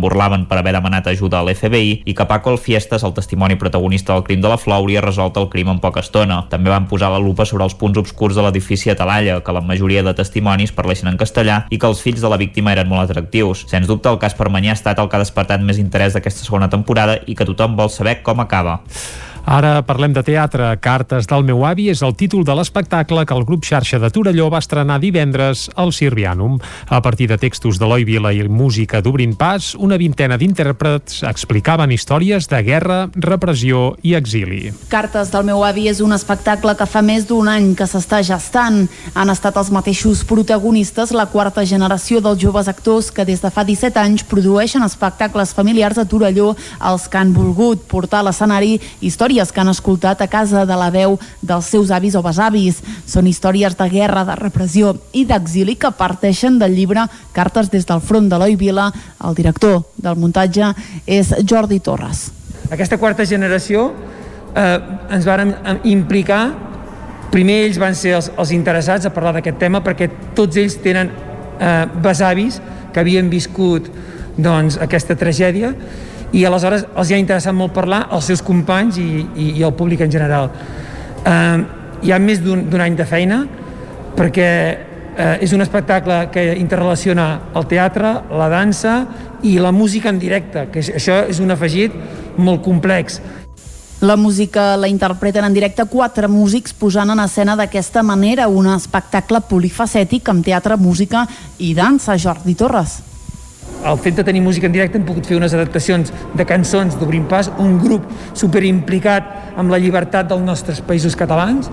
Doncs, a partir de, dels textos de l'Eloi Vila i la música del, dels Obrim Pas hem fusionat eh, el teatre i, i la música i després la Mireia Cervera que ha fet unes coreografies fantàstiques hem pogut fusionar aquestes tres arts el teatre, la música i la dansa l'Artur Sorinyac s'ha encarregat de fer aquestes adaptacions dels Obrim Pas i després, la, com sempre, la Maria Àngels Pla de Vall ens ha fet un vestuari fantàstic Cartes del meu avi s'havia d'estrenar fa dos mesos, però aleshores es va haver d'ajornar per culpa de la Covid-19 fins que divendres finalment va poder veure la llum.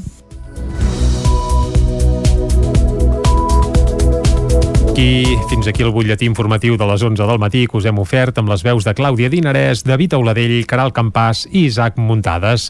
Ara el que ens toca aquí a Territori 17, quan passa gairebé un minut d'un quart de 12 del matí, és parlar d'economia. Per tant, fem una breu pausa i de seguida saludem en Joan Carles Arredondo, que ens acompanya cada dimarts aquí a Territori 17. Fins ara mateix.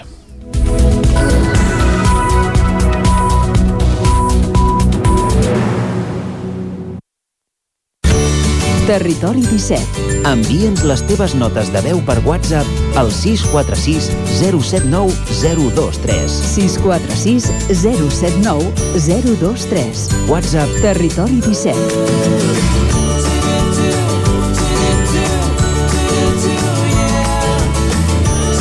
Territori 17. Som a Facebook, Twitter i Instagram amb l'usuari Territori 17.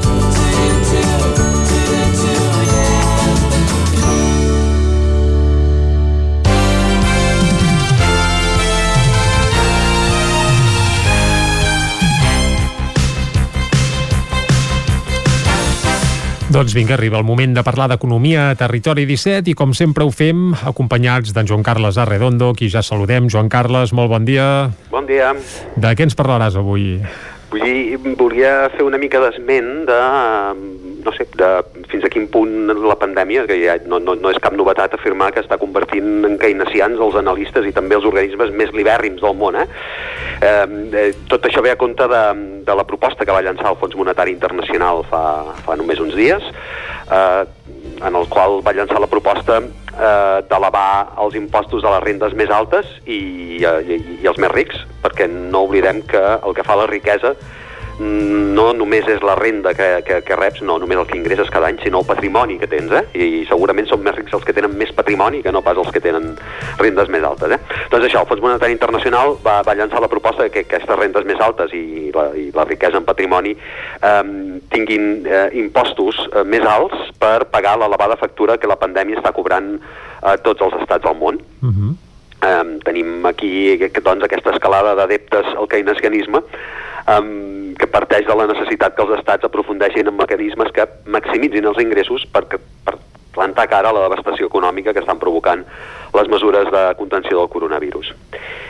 Més impostos en temps de crisi ve ser una mena de, es, ve, ve, ser com una mena d'esmena de, a la totalitat en l'enfoc més tradicional del liberalisme econòmic. Eh? Eh, la mai demostrada campana de Laffer, eh, la campana de Laffer és aquella segons la qual reduir impostos genera un cercle virtuós que acaba comportant més ingressos públics, és una teoria que ha estat molt, molt utilitzada i que en canvi no s'ha acabat de, de, de comprovar empíricament mai. Eh? Doncs ara ha deixat de ser el dogma que, que ordena les polítiques econòmiques mundials. A aquestes alçades, aquest principi té cada vegada menys adeptes. Alguns es troben a Espanya, i més concretament al centre de la península Ibèrica, on no és gens infreqüent sentir acusar de comunista lliberticida qui gosi tan sols insinuar que el context actual fa el cara més imprescindible que els rics paguin més impostos. Eh? Això està passant, eh, hi ha propostes sobre la necessitat de pujar impostos a les rendes altes i des de determinades posicions, sobretot en posicions del Partit Popular, diguem-ne que això és considerat... No hi una- estan gaire, no estan gaire pel tema, sí, sí, sí una, ve, ve a ser considerat una, una afrenta comunista, eh, diguem-ne. Mm. Uh, i ara ho fa el Fons Monetari Internacional, eh, que s'assembla força uh, el que eh, des de l'esquerra s'ha sentit aquí eh, en l'estat espanyol. Els, laferis, els laferistes a la qüestionable alçada intel·lectual de determinats dirigents del PP ho han desqualificat com un nou intent d'aquestes polítiques comunistes. De fet, és poc plausible a aquestes alçades assenyalar com a comunista que el, el Fons Monetari Internacional, tot i la, la procedència búlgara de l'actual directora gerent, que es diu Kristalina Georgieva, um, però el que està fent el Fons Monetari Internacional és aplicar aquell vell, axioma de grans mals, grans remeis. I quins són els grans mals? Eh, doncs el mateix informe del, en el qual el Fons Monetari Internacional basa la proposta de pujar impostos temporalment, deixar clar, eh? Eh, doncs això, eh, de pujar impostos temporalment als més rics i a les grans empreses els exposa. Eh, sintètic, sintèticament, com recull un article del diari econòmic Cinco Dies en el qual hem basat una mica aquesta intervenció, eh, la despesa pública s'ha multiplicat al mateix temps que la pèrdua de recaptació ha estat severa. Els resultats de, el resultat de tot plegat és que tant el deute públic com el dèficit dels estats s'han enfilat a màxims mai coneguts fins ara. A tot el món, els dèficits públics, dèficit públic és la diferència entre el que ingresses i el que gastes. Eh? No, no, a vegades sovint es confon dèficit i deute, mm, per això mm, com, és, és convenient aclarir-ho. Ben El fet, dèfic- ben fet. els dèficits públics toquen un 11,7% de mitjana eh, en els països més avançats, és un 11,7% dels PIBs d'aquests països. Eh? Eh, dèiem un 11,7 en els països més avançats, un 9,8 en les economies emergents i un 5,5 en els països en vies de des- desenvolupament. I el deute, eh, és a dir, el, el, que, el, que, deus, eh, diguem-ne, eh, arriba al 97% a tot el món i encara s'elevarà fins al 99% aquest 2021, segons aquestes previsions del, del Fons Monetari Internacional. Per, per concretar, eh, l'estat espanyol forma part dels grups d'economies avançades i haurà passat, segons les dades de l'FMI, del 2,8% de dèficit que tenia eh, eh, fins a l'11,5%. Una per cert, una estimació de la qual discrepa de les xifres que han fet públiques al, al Ministeri d'Hisenda, que xifren el dèficit en un 10,9. Um, 11,5, 10,9, és igual, és una xifra, diguem-ne que... mm, Home, de- tant de- una com l'altra són importants. Sí, de, són dels pitjors, dels pitjors moments de, de, econòmics, no? El temor del Fons Monetari Internacional és que la correcció d'aquest dèficit trigui encara molt de temps, massa temps, i no s'arribi al 3% que es considera òptim, i que són el que marquen les regles de la Unió Europea, i diu que no s'hi arribarà fins passat el 2026. Una preocupació addicional, eh, que de fet no és nova, però que s'ha agreujat, és l'elevat de deute públic eh, que té la- que té l'estat espanyol, que s'hauria enfilat des del 95,5%, que ja era una xifra molt elevada, fins al 117%, que seria el 120% si s'hi suma el banc dolent, eh, la Sareb, eh, que és el que recomanen els socis europeus. 120% del PIB, és a dir, tots els ingressos que tens durant un any, més un 20%, eh, que diguem-ne que és una quantitat que has d'anar pagant eh, i això, clar, diguem-ne que és mm, com, com circular amb, amb una roda punxada, eh? i això és un, és un problema sever que tindrà l'economia l'economia espanyola. Uh, és sobre la base d'aquests números, a escala estatal i també a escala internacional, que l'FMI demana als legisladors aquests increments temporals del gravamen sobre els ingressos alts i sobre la riquesa. És la fórmula que considera més idònia per cobrir les necessitats de finançament més urgents en relació a la pandèmia i aportar mm, recursos als serveis bàsics com poden ser la salut, l'educació, els serveis socials, etc. No? Uh -huh. Perquè, clar, hi ha molta necessitat i, en canvi, eh, estem veient com baixa com és, és, és diguem-ne que eh, com baixen els ingressos, no? I, o sigui, tens molta més despesa i menys ingressos i clar, això és una, una dificultat afegida. Més enllà d'aquesta mesura, el Fons Monetari Internacional convida els estats a dissenyar plans fiscals més aprofundits per fixar la política recaptatòria als propers anys. L'objectiu que, que es facin aquests plans fiscals és que els operadors econòmics i també els ciutadans tinguin a la llarga més certesa sobre les polítiques fiscals del país. És una proposta lògica, no? Aquesta proposta s'emmarcaria perfectament en la creació a l'Estat d'un grup d'experts, eh, es, va, es va confirmar ahir mateix, eh, que hi haurà un grup d'experts que treballaran la reforma fiscal i que han de presentar les seves conclusions a l'executiu espanyol abans del 28 de febrer de l'any que ve. Són 18 experts, entre els quals, eh, com a aportació catalana ha els catedràtics de la Universitat Pompeu Fabra, Antoni Agulló i Guillem López Casasnoves. Uh -huh. El Fons Monetari Internacional bé, va ser un dels organismes que durant la crisi financera de fa una dècada va tenir un paper rellevant a l'hora de fer suggeriments sobre com sortir del forat. Eren temps en què la moda eren els discursos de la contenció i l'austeritat, eh? no, no, cal, no cal anar gaire, gaire lluny per recordar-ho. També eren temps de moderació salarial. Llavors, l'FMI era escoltat i la recepta, sobretot la de la moderació salarial, va tenir a l'estat espanyol un segment propi dels alumnes més aplicats a l'aula. Caldrà veure si també són alumnes aplicats ara que les receptes toquen la butxaca dels més poderosos. La pregunta que es pot llançar sobre aquest cas és eh, si atreviran els governs a, a fer aquestes mesures. Ho hem de veure.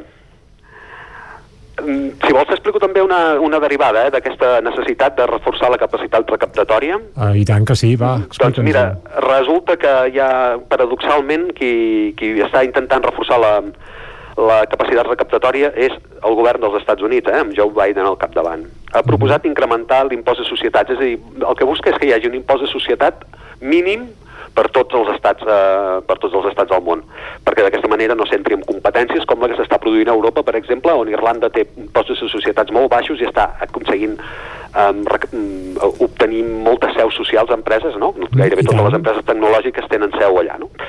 Um, la, la proposta és un 28% d'impost de societats, és bastant elevat, eh, sobretot eh, més elevat que el 21% en el qual havia deixat l'impost de societats en el seu país, als Estats Units, el el predecessor de l'actual president, eh, que era Donald Trump.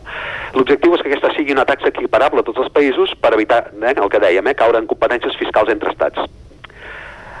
Per molt pes que tinguin els Estats Units, eh, aquesta batalla sembla complicada de, de, de guanyar, però mm, com a mínim eh, aquí comença a haver-hi propostes que són una mica no, diguem-ne els Estats Units sembla que estiguin avançant a Europa per l'esquerra i això diguem-ne que és Això seria inaudit, eh? és una notícia, és, és una notícia im- important. Mm -hmm. Veurem si, si ens en surten tant els governs per, per fer cas a l'FMI i posar els impostos eh, als rics, com amb aquesta taxa única que, que, que proposa per les societats el, el president dels Estats Units.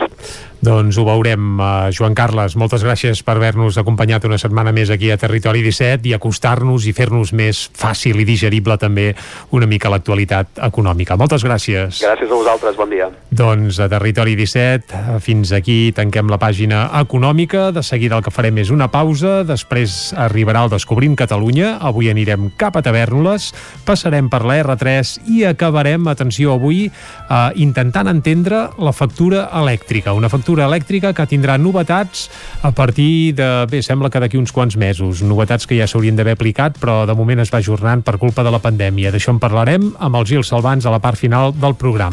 Ara una pausa i tornem a dos quarts en punt descobrint algun racó de Catalunya. Avui Tavernoles. Fins ara. El nou FM, la ràdio de casa, al 92.8. Pintures Xevi Soler. tot en pintures. Façanes, obra nova, rehabilitacions interiors de vivenda, estucs, microciments, pintura industrial, motllures, terres vinílics... Pintures Xevi Soler. Ens agrada assessorar-vos i fer de casa vostra el millor lloc del món. Ens trobareu a Manlleu, al carrer Sogorb 113, telèfon 616 15 87 33 o 93 851 3504. Vols gaudir d'un bon arròs a casa sense no haver d'embrutar ni preocupar-te per res? La Fogonera, paelles per emportar. Un seguit de paelles, tapes, platets i postres casolans pensats per a paladars exigents. Ara més, fem menús per a petits grups de comensals. La Fogonera, la rosseria de paelles per emportar a GURB i que també et portem a casa. Telèfon 93 851 55 75 i a lafogonera.cat. I quan cau la nit, Pupurri Culinari, solucions per sopar les nits de divendres i dissabte. Entra a pupurriculinari.cat i tria. Aquesta primavera, per estar bé a casa, vine a Mobles Verdolet. Sofàs, sales d'estudi, dormitoris, menjadors i molt més. Mobles fets a mida. Mobles Verdolet. Ens trobareu al carrer Morgades 14 de Vic i al carrer 9 44 de Torelló i també a moblesverdolet.com. No va ser fàcil El nou FM.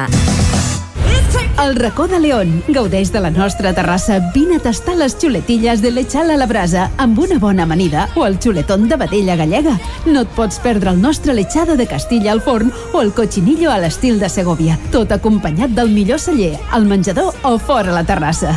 Descobreix la millor cuina de Lleó sense moure't de casa. Vine amb la família, els amics, la parella o sol. T'encantarà. El racó de León, cuina tradicional lleonesa i de mercat. Som al carrer Torelló número 35 de Vic. Per reserves, telèfon 93 889 1950. El racó de León, una cuina diferent. Som especialistes en cargols a la llauna, 30% d'aforament interior amb totes les mesures sanitàries. I ara vine a gaudir de la nostra terrassa. Vine a Autoscola Montseny i t'informarem de les nostres ofertes. Permís de moto 16 anys amb 4 pràctiques des de 399 euros. Permís de moto 18 anys amb 4 pràctiques des de 425 euros. Permís de cotxe amb 10 pràctiques des de 460 euros. I si vens amb un amic, et regalem una pràctica. Per més informació, Autoscola Montseny, a la Rambla de Vallades 13, primer segona de Vic, al telèfon 93 885 45 88 i també a Facebook i Instagram. El nou FM, el nou FM, el nou FM, el nou FM, el nou FM. Territori 17.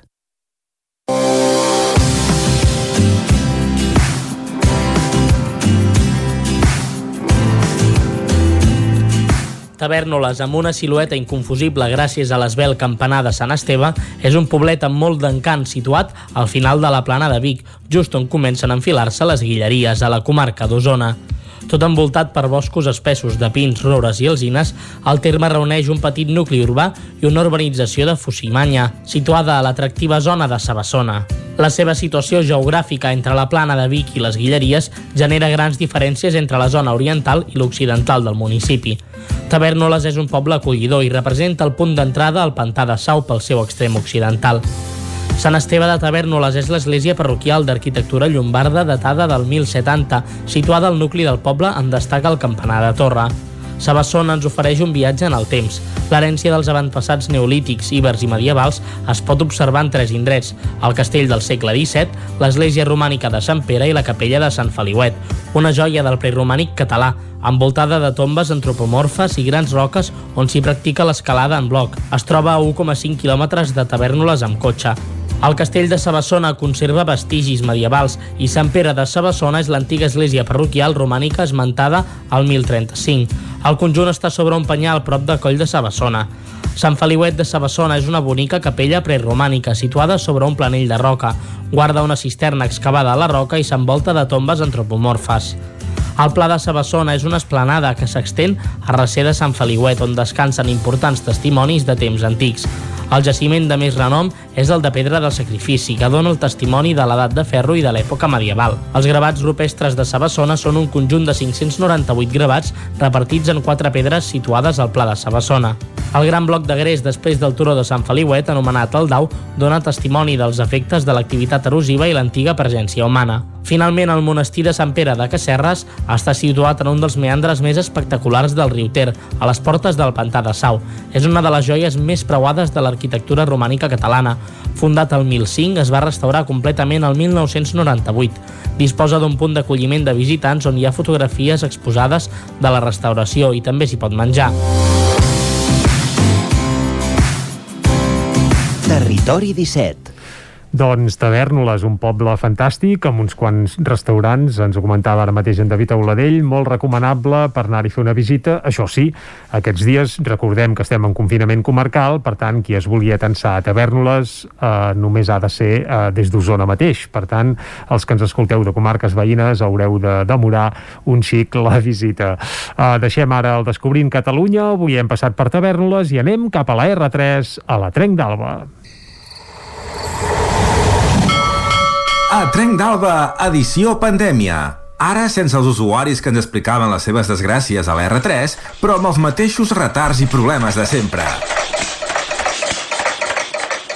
Benvinguts a Tren d'Alba. Doncs avui us porto bones notícies, perquè DIF ha licitat les obres de remodelació de les estacions de Parets del Vallès, Granollers Canovelles, les Franqueses del Vallès i la Garriga per un import de 16,9 milions d'euros amb l'IVA inclòs, i estimen que ho acabaran amb un termini d'uns 28 mesos, que són dos anys i quatre mesos, que déu nhi Aquestes actuacions s'emmarquen en els treballs previs al pròxim desdoblament de la via de la línia al tram Parets del Vallès-La Garriga, que permetrà absorbir un major nombre de circulacions, millorant la fiabilitat i eficàcia de l'explotació ferroviària ferroviària, que servirà per reduir els temps de viatge. El projecte de remodelació comprèn les actuacions a la via i electrificació i els principals treballs consistiran en la prolongació, ampliació i recreixement de les andanes fins a arribar als 210 metres de longitud útil i 68 centímetres sobre el cap del carril. Això permetrà la parada de convois tipus Cívia, de 5 vagons en doble composició. És una obra molt lenta però necessària. Esperem que no tingui tants impediments com la del túnel de Toses, al Ripollès. Demà us n'explicaré una miqueta més. Va, ens retrobem demà amb més històries del tren i de la R3.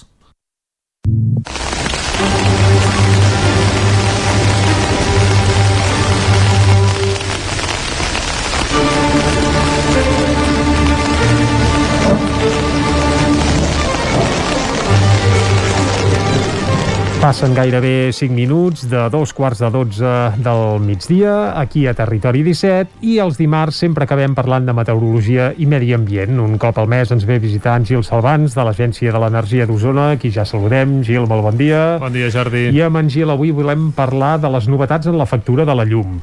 Primer, perquè hi ha canvis que estaven previstos ja pel mes de novembre del 2020, es van demorar amb l'excusa o a causa de la pandèmia. Semblava que els canvis arribarien aquest mes d'abril, és a dir, que ja haurien d'estar vigents, però finalment hi ha hagut un nou ajornament i la factura de la llum nova, entre cometes, sembla que arribaria pel mes de juny. Ara semblaria que sí. El juny arribarà això o no? Jo crec que ara sí. Ara és, dir, sí. és com dius, eh? és a dir, és una, una reforma que feia anys que se'n parlava, de Mhm. reduir tipus de tarifa, reduir els contractes existents És a dir, i simplificar també va en aquesta, en aquesta direcció o no? Perquè no. entendre la factura dir, de la llum de vegades simplificar jo crec complicat, que no, eh, per un seria el usuari eh, jo crec que no serà el cas, ara ho explicarem però crec que, és a dir, apareixeran més períodes apareixeran dos termes de potència hi ha canvis importants, però sí que no tenim moltes tarifes per triar, tenim una Mhm. i és la que hi ha, per tant, si ens aprenem la que tenim mm, ja sabem com, com, com, com ho tenim, diguéssim, eh? que ara podríem triar, podríem agafar tarifa nocturna, podríem agafar una tarifa per sobre de 10 Correcte. quilowatts que era més gran ara no, ara la, de, passem de, de 6 tarifes que hi havia en el, el sector domèstic, eh, entre Mhm. 0 i 15 quilowatts, a tenir una. una per tant, un, aquí no es pot triar. No es pot triar. La, el que hi ha i punt. Després aquí dins, com que és un lliure mercat, cada comercialitzador es podrà fer les seves ofertes, els seus preus, eh, les dues hores happy gratuïtes de no sé què, i tu carrega un altre lloc, però els, els horaris, potències, etc mmm, seran un- unes... Per tant, per seran uns. exemple, la discriminació horària, això desapareixerà. Això desapareix. És a dir, ara la gent que té contractat allò típic tarifa nocturna, etc etc, tot això... Ara tots en tindrem, de discriminació. Uh -huh. vale? Entrant ja en matèria, és a dir... mm, Ostres, abans, de- deixa'm fer un petit uh, apunt, eh, abans d'entrar en matèria Sí. i conèixer els detalls d'aquesta nova factura uh, de la llum. Per què s'ha demorat tant? Això és per l'excusa de la Covid o és perquè no ho tenen a punt?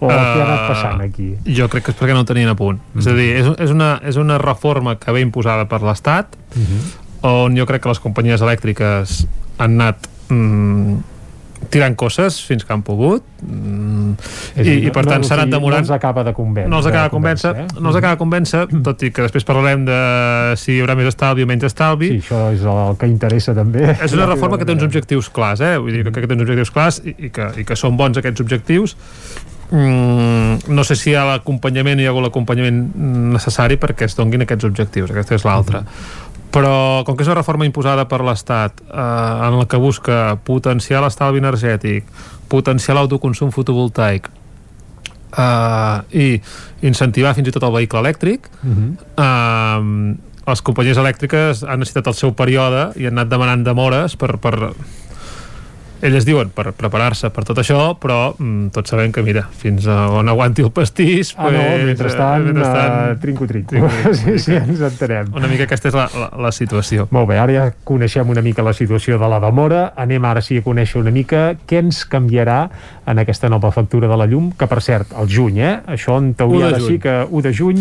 jo crec que ara sí, jo crec que ara sí perquè a més a més totes les companyies ja estan oferint, ja estan començant a publicar els preus Mhm. mm, de les diferents tarifes, perquè com veurem ara hi haurà diferents tarifes, o diferents períodes, perdona. Uh Mhm. Si no tarifes ja ens queda clar que n'hi haurà, haurà una, una, per tant aquí no es pot triar, eh? Sí, sí, de tarifa només n'hi haurà una, és a dir, actualment teníem en, en l'àmbit domèstic i petita pime, per dir d'alguna manera, fins a 15 quilowatts, que hi podem, que són les cases i, I habitatges i algun eh, comerç, sí, sí. que és, Mhm. la indústria normalment està per sobre i és una altra tarifa i és un altre món, eh? També, també hi ha canvis, també canvia tot, o sigui, canvia, però, Però vaja, centrem-nos en el Centrem-nos domèstic, en el que és domèstic i el- i el- i la, el que comerç. segurament la gent que ens escolta és el que li interessa més. Fins sí, ara sí. teníem sis tarifes, la 2.0, la 2.0 en discriminació horària, la 2.0 en discriminació horària i supervall, que era una tarifa exclusiva per vehicle elèctric, exclusiva, molt pensada per vehicle elèctric, Mhm. que em sembla que la tenia ni un 0, ni gent que tenia el vehicle elèctric em sembla que no l'havia ni demanat, perquè era poc coneguda, Mhm.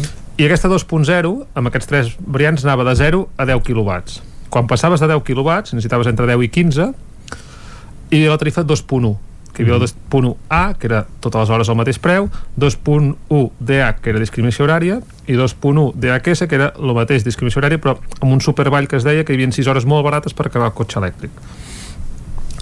Totes aquestes sis tarifes, que van de 0 a 15, a 15 quilowatts, Mhm. que podíem triar, passen a una sola tarifa, que li diran 2.0 TD, tarifa con discriminació, em sembla que és, però bueno, és igual, només hi haurà aquesta tarifa, I tothom tindrà discriminació horària en aquesta tarifa. però no una discriminació horària, sinó que apareixen tres períodes. Val. Tres períodes de... De preu cada dia. Cada dia. Vale? Que això ja vindrà marcat per tothom, Per tant si tothom. ets amb una companyia com una altra, Per i tothom. això igual Quins períodes són? Quins són? Tenim un període avall, un període pla i un període punta, que això és com es nomenaven els períodes també, quan anàvem per sobre de 15 quilowatts, Mhm. fins ara, ara també, però ara han aparegut més períodes en aquesta, ja hi havia tres períodes ja se'ls anomenava així, pla, punta i vall. Amb un rellotge als dits, quin és el període pla, quin és el punta i quin serà el vall? El període vall Mhm. és el més econòmic. Mhm. Uh, sí, no us puc parlar de preus perquè cada companyia està publicant els seus preus, eh? sí, sí, sí, però sí. Uh, bueno, qualsevol pot consultar els preus de Som Energia o de qui sigui, que ja, els- ja els estan publicant. Però tot, tots seran així. El vall serà l'econòmic, Mhm. el, el pla serà un entremig i el punta serà el car. Anem pel vall. A quina hora serà el ball? A la nit. De les 12 de la nit a les 8 del matí. Per tant, si hem de programar una rentadora, fem-ho a aquest horari, que serà quan serà més econòmic, sí. per exemple. I això per tothom, eh? Aquí Això sí que no hi haurà tothom. absolutament per tothom. cap canvi. I, a més a més, eh, els caps de setmana Uh -huh. i els festius van aquí dins. Que ara fins ara no. Val. És a dir, del divendres a les 12 de la nit fins al dilluns a les 8 del matí, període de ball. Tant si és de dia com de nit, com Per a tant, la tarda... Per molta tant, gent que fa rentadores al cap de setmana... Sí, a casa meu passa sovint, això. Sí, alguns que aquest de setmana no podem, doncs llavors Mhm. amb això ens hi sortirem guanyant. Vale?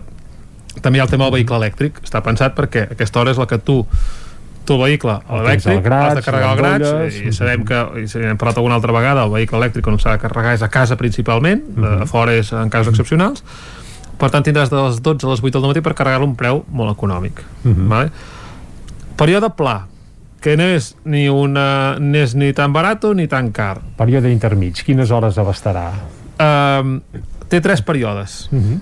de les 8 del matí a les 10 del matí Només aquestes Només dues aquestes hores? dues hores de les dues del, de, del migdia a les 6 de la tarda Uh -huh.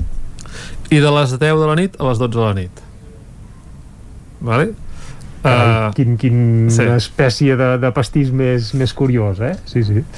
Estem parlant que són, són períodes de 8 hores tots, tots ells. Mhm. vale? El- Els, tre, els, sigui, els tres períodes que es marquen són de, són de 8 hores. El de, el de, Clar, el de nit, com que són 8 de seguides, Seguides, doncs és fàcil. I els eh, altres fa aquest dos, dos, altre- dos, sí, dos. sí, sí. Vale? um, bueno, uh, d'això. Uh, després hi ha el període de punta. El període de punta ens va de les 10 del matí a les 2 del migdia. El període de punta és el més car. Per tant, aquí hem d'evitar fer-hi consums. Correcte, és a dir, aquella rentadora que no sabem a quina hora posar, evitem fer-ho de les 10 del matí a les 2 del De- migdia, en cas que es pugui, evidentment. I de les 6 de la tarda a les 10 de la nit. Mhm. Què passa eh, què passa en aquestes franges? Per què aquestes franges són cares? O sigui, tenim, sabem que tenim un sistema elèctric Mhm. això estem parlant d'energia elèctrica, el sistema sí. elèctric que sempre es fa la mateixa corba de consum a nivell domèstic. Uh, al matí hi ha un repunt, al migdia hi ha un segon repunt i sobretot de 6 a 10 de la nit hi ha el màxim vespre, consum. quan la gent arriba a les llars, possiblement les empreses fan la traca final del dia. Mhm. Què interessa? Què ens interessa com a, com a societat? Què interessa? Interessaria que en lloc de tenir repunts, tenir una gràfica que fa diferents onades, com més plana sigui, com més consum tinc, sobretot per Com l'hora més- de produir. Com més estable, segurament Més pots benefici. controlar quan Mhm. produeixes i així, i menys centrals has de tenir engegades i més pots aprofitar les que engegues, vale? Mm, per tant, el que es busca amb això és aquells moments que hi ha més demanda ser el més car perquè la gent vagi resituant mm, consums en hores de, de menys demanda i més econòmiques. Um, per què també es potencia de 10 a 2? Uh, que sigui car? Perquè això fomentes l'autoconsum. És a dir, quan tu tens unes plaques d'autoconsum a casa, les hores de màxima producció de l'autoconsum fotovoltaic normalment van de les 10 a les 2. Sí, és... Uh, diguem que es treu més rendiment al matí que a la tarda, per exemple, en el tema de les l'energia solar. normalment sí. Normalment, sí. És, és a dir, te'n vas de... La, per, per, què, per què es posa això? Perquè és una mitjana uh, anual. Sí, sí, sí. Mhm. I a l'estiu segurament això es desplaça més a un consum de 2 a 4 de la tarda, però A l'hivern, amb a el canvi horari, situa, situa molt a canvia. aquests horaris. Mhm. val? Per tant, per aquesta banda eh, es busca també fomentar l'autoconsum. És a dir, que la gent que pugui mm, posar consum... O sigui, la gent en aquesta hora, la gent que té plaques normalment té un consum zero Clar, sovint és l'hora que perquè és són l'hora que de produeix casa, i per tant és autosuficient són. Mhm. per tant, eh, en aquest sentit per tant, quan algú et demana "Mm, aquesta reforma eh, hi guanyarem, hi perdrem què, què, com anirà? Un Eh, cop final- situats, un cop exacte, situats com la gent diu, val, molt bé, fantàstic, però i això, de cara sobretot a la butxaca, eh, hi notarem a l'alça, a la baixa o ens quedarem una mica igual? pels preus que s'estan publicant es, es, eh, bueno, i, i pels preus que, que més o menys alguns seran regulats perquè hi ha una tarifa regulada eh, el preu de l'energia pujarà això entre segur. un 5 i un 20-30% el preu de l'energia Estem, sí, que evidentment quan paguem a la factura el preu de l'energia és un, Mm, és petit. un percentatge petit, però un 20% és moltíssim, eh? En canvi, per altra banda, el preu de la potència s'abaixa. Vale? Uh, Segur que no en el mateix percentatge en què s'apuja el preu de l'energia. parlen d'un 15%, eh? En 10 i un 15%. Um, què vol dir això? El ciutadà de peu mm, crec que de mitjana la mitjana notarà un augment de costos. Uh -huh. Qui tindrà estalvi en aquest sentit? Qui hagi fet els deures, Qui hagi fet els deures. Eh, en el sentit d'implantar plaques... que, uh, millores, perquè al final el que busca aquesta reforma és Mhm. um, incentivar l'eficiència energètica encarint el preu de l'energia uh, reduint-lo en les hores que no hi ha consums i sobretot fomentant l'autoconsum i llavors per altra fomentar l'autoconsum Uh -huh. eh, fent que sigui molt car les hores que es produeix energia. Per tant, això et fa que les amortitzacions i instal·lacions d'autoconsum siguin més viables, encara que ja ho, era, ja ho són, però encara ho siguin més.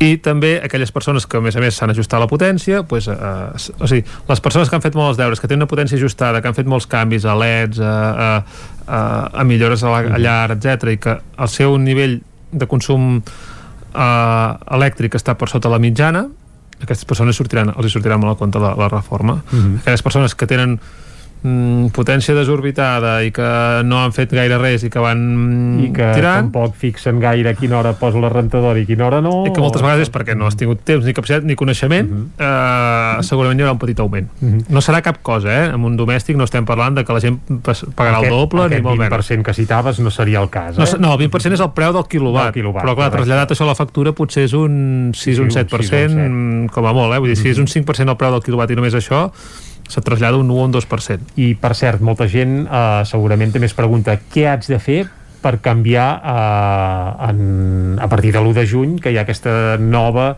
eh, facturació pel que fa a la llum. El consumidor, en teoria, no ha de, fer, res, oi? no ha de fer res I això l'operadora se n'encarrega. se n'encarrega. de tot. Aquí, aquí uh, hi ha un altre canvi important Mhm. Jordi, eh? en, en els domèstics, eh? és a dir, um, fins ara teníem una potència contractada, Mhm. vale? Ara tindrem dues potències contractades. Ah, sí? Tindrem dues potències. Això ja encara complica més Això la és cosa. el que anava a dir, aclarim-ho perquè això Sí. sona, sona estrany. perquè eh? sona estrany i té, una, té un objectiu eh? Mhm. és a dir, ara podrem tenir una tarifa en la punta i el pla que serà la mateixa, o sigui, tarifa potència, perdona, Mhm. una potència contractada, puc tenir en la punta i el pla, que són les hores que van des de les 8 del matí fins a les 12 de la nit, de 3 quilowatts, per exemple. Mhm. I en la tarifa vall, que va de les 12 de la nit a les 8 del matí, puc tenir una altra potència. Que, què es busca amb això? 1. Vehicle elèctric, és a dir, molts tenim 3, 4 quilowatts i per carregar el vehicle elèctric necessitem potser 5 per tenir-lo allò, si comencem a tenir bateries més grosses potser necessito 5 quilowatts per tant um, Alhora que és més barata l'energia, Sí. doncs contracto, contracto- més potència i així endollo el cotxe tranquil·lament. al cap de setmana exemple. i a les nits mm, tinc 5 quilowatts a més a més més barata la potència a la nit Mhm. per cada quilowatt que tinc contractat de, uh, de dies o de nits el de nit és més barat per tant també t'incentiven que si necessites fer un consum molt potent en algun moment que sol, sol anar per vehicle elèctric per calefacció o caps de setmana Mhm. ho facis al cap de setmana tinguis 5 quilowatts al cap de setmana i 3 de dies Mhm. es busca compensar el consum industrial amb el consum domèstic de demanda d'energia que això sobretot els caps de setmana eh, es deu notar i força. i força. Mhm. I a més a més, um, també incentives l'autoconsum. De dies, com que tinc autoconsum en moltes hores, ja tinc un 2 quilowatts o 3 que em generen les plaques. Mhm. Per tant, potser amb 2 quilowatts ja faig.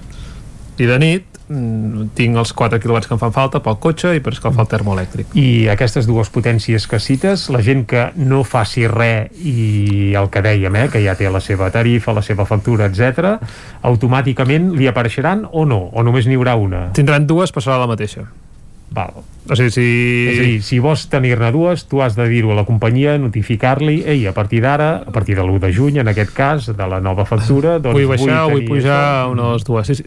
El, el pas automàtic serà, ningú haurà de fer res, els comptadors Mhm. actuals llegeixen hora a hora i per tant ja estan preparats per saber el consum en els períodes Mhm.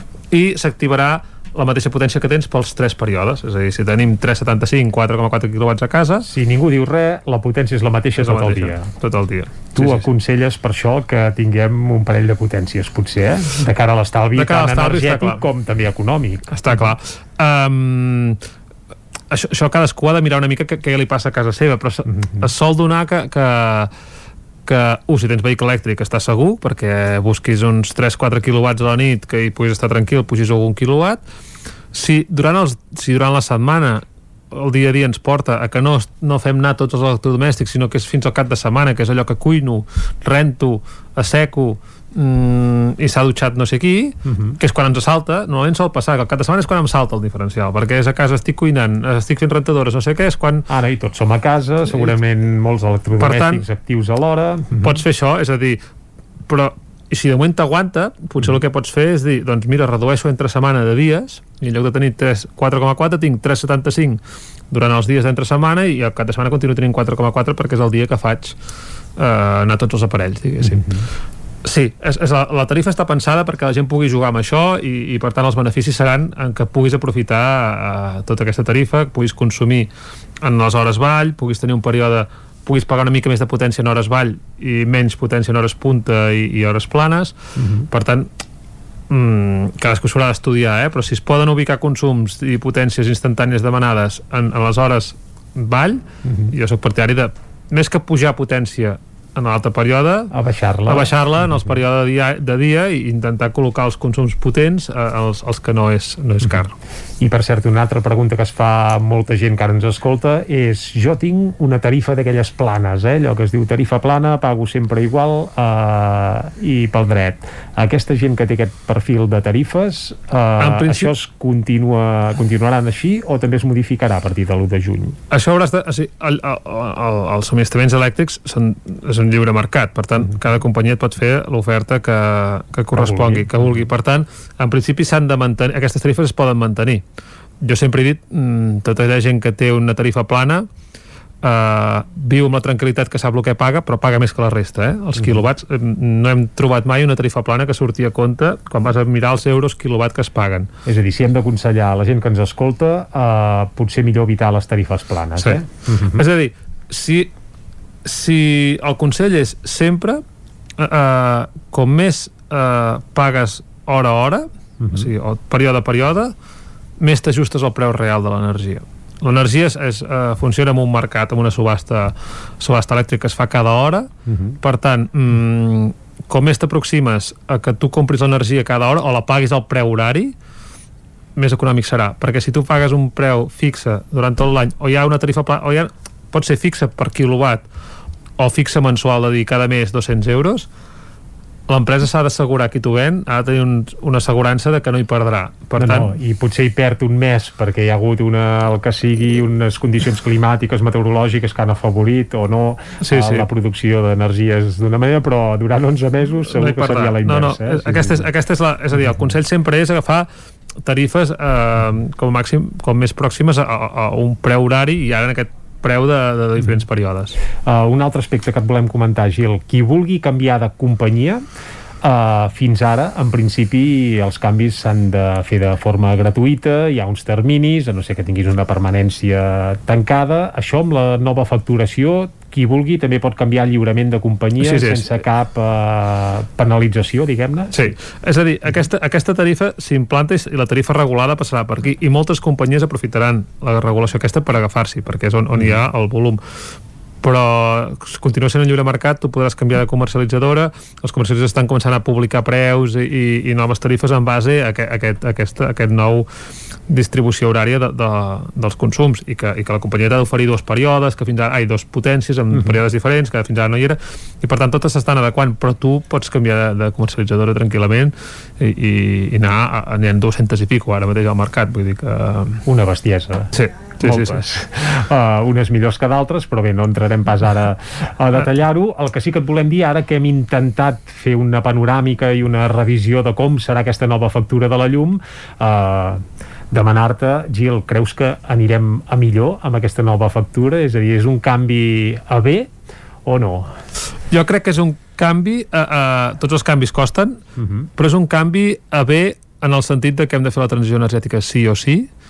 El preu de l'energia, el preu de l'energia, una altra cosa el preu de la factura, però el preu de l'energia segurament encara és massa barat, mm, no el de la factura, eh, perquè ens entenguem, el preu de l'energia és eh, una cinquena part del preu de la factura, jo crec que aquest s'hauria de tenir un valor més alt, Clar, això cal tenir-ho en compte, eh? De cada euro que paguem per la factura de la llum són 20 cèntims els que en teoria són per l'energia. Per tant, és una part gairebé, home, no, no diríem que ridícula, però, Segurament, però clar, poc si- important. si anem a mirar impostos, anem a mirar tema del que es paga per la distribució i tot això, això s'hauria de revisar i fer una auditoria profunda del sistema elèctric espanyol, fer una auditoria profunda crec que serviria per abatir costos uh, però el preu de l'energia veient que anem una transició energètica necessària veiem que no volem posar plaques a tot arreu perquè no, també volem fer aliment als camps d'alguna manera haurem de complir els objectius de transició energètica, d'alguna manera haurem de ser autosuficients i tot passa per ser per reduir consums i per tant si el preu del quilowatt hora augmenta com a quilowatt hora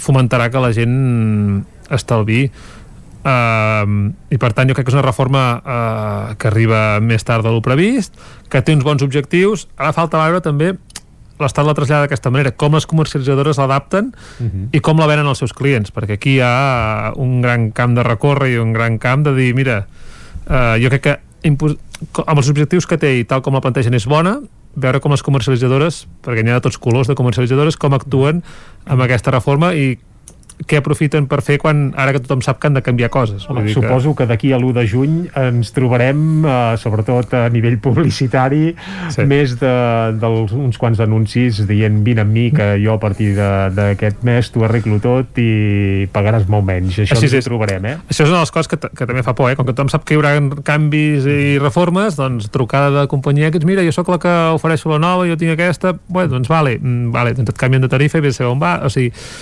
I després hi ha aquelles ofertes que sí, sí, durant tres mesos et faig això, et faig allò, però a partir del quart mes se't dispara, és a dir, que a vegades eh, no, ja ho diuen, eh, no és or tot allò que llueix. Sí, sí, Cal sí. treure bé el gra de la palla i no deixar-nos entabanar per ofertes sovint una mica enganyoses. És així. Eh, Gil Salvans, moltes gràcies per haver-nos acompanyat A una vegada més aquí a Territori 17, avui per posar llum a la factura de la llum que recordem-ho, els canvis arribaran a l'1 de juny. L'1 de juny. Canvis que estaven previstos ja pel mes de novembre de l'any passat, després s'havia parlat de que arribarien a partir de l'abril, però al final sembla que tot plegat no serà una realitat fins a l'1 de juny, uns canvis que hem comentat avui aquí a Territori 17, com sem, com, sempre, com sempre fem a la secció de Meteorologia i Medi Ambient que avui hem compartit amb el Gil Salvans de l'Agència de l'Energia d'Osona. Gil, moltes gràcies. A vosaltres. T'esperem el mes vinent i nosaltres ara el que ens toca és ja posar el punt i final al Territori 17 d'avui.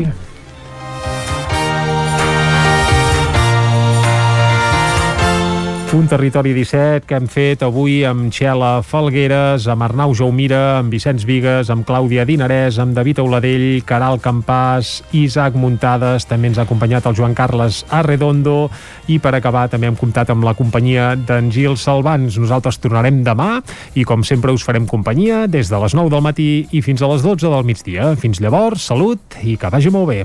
Adéu!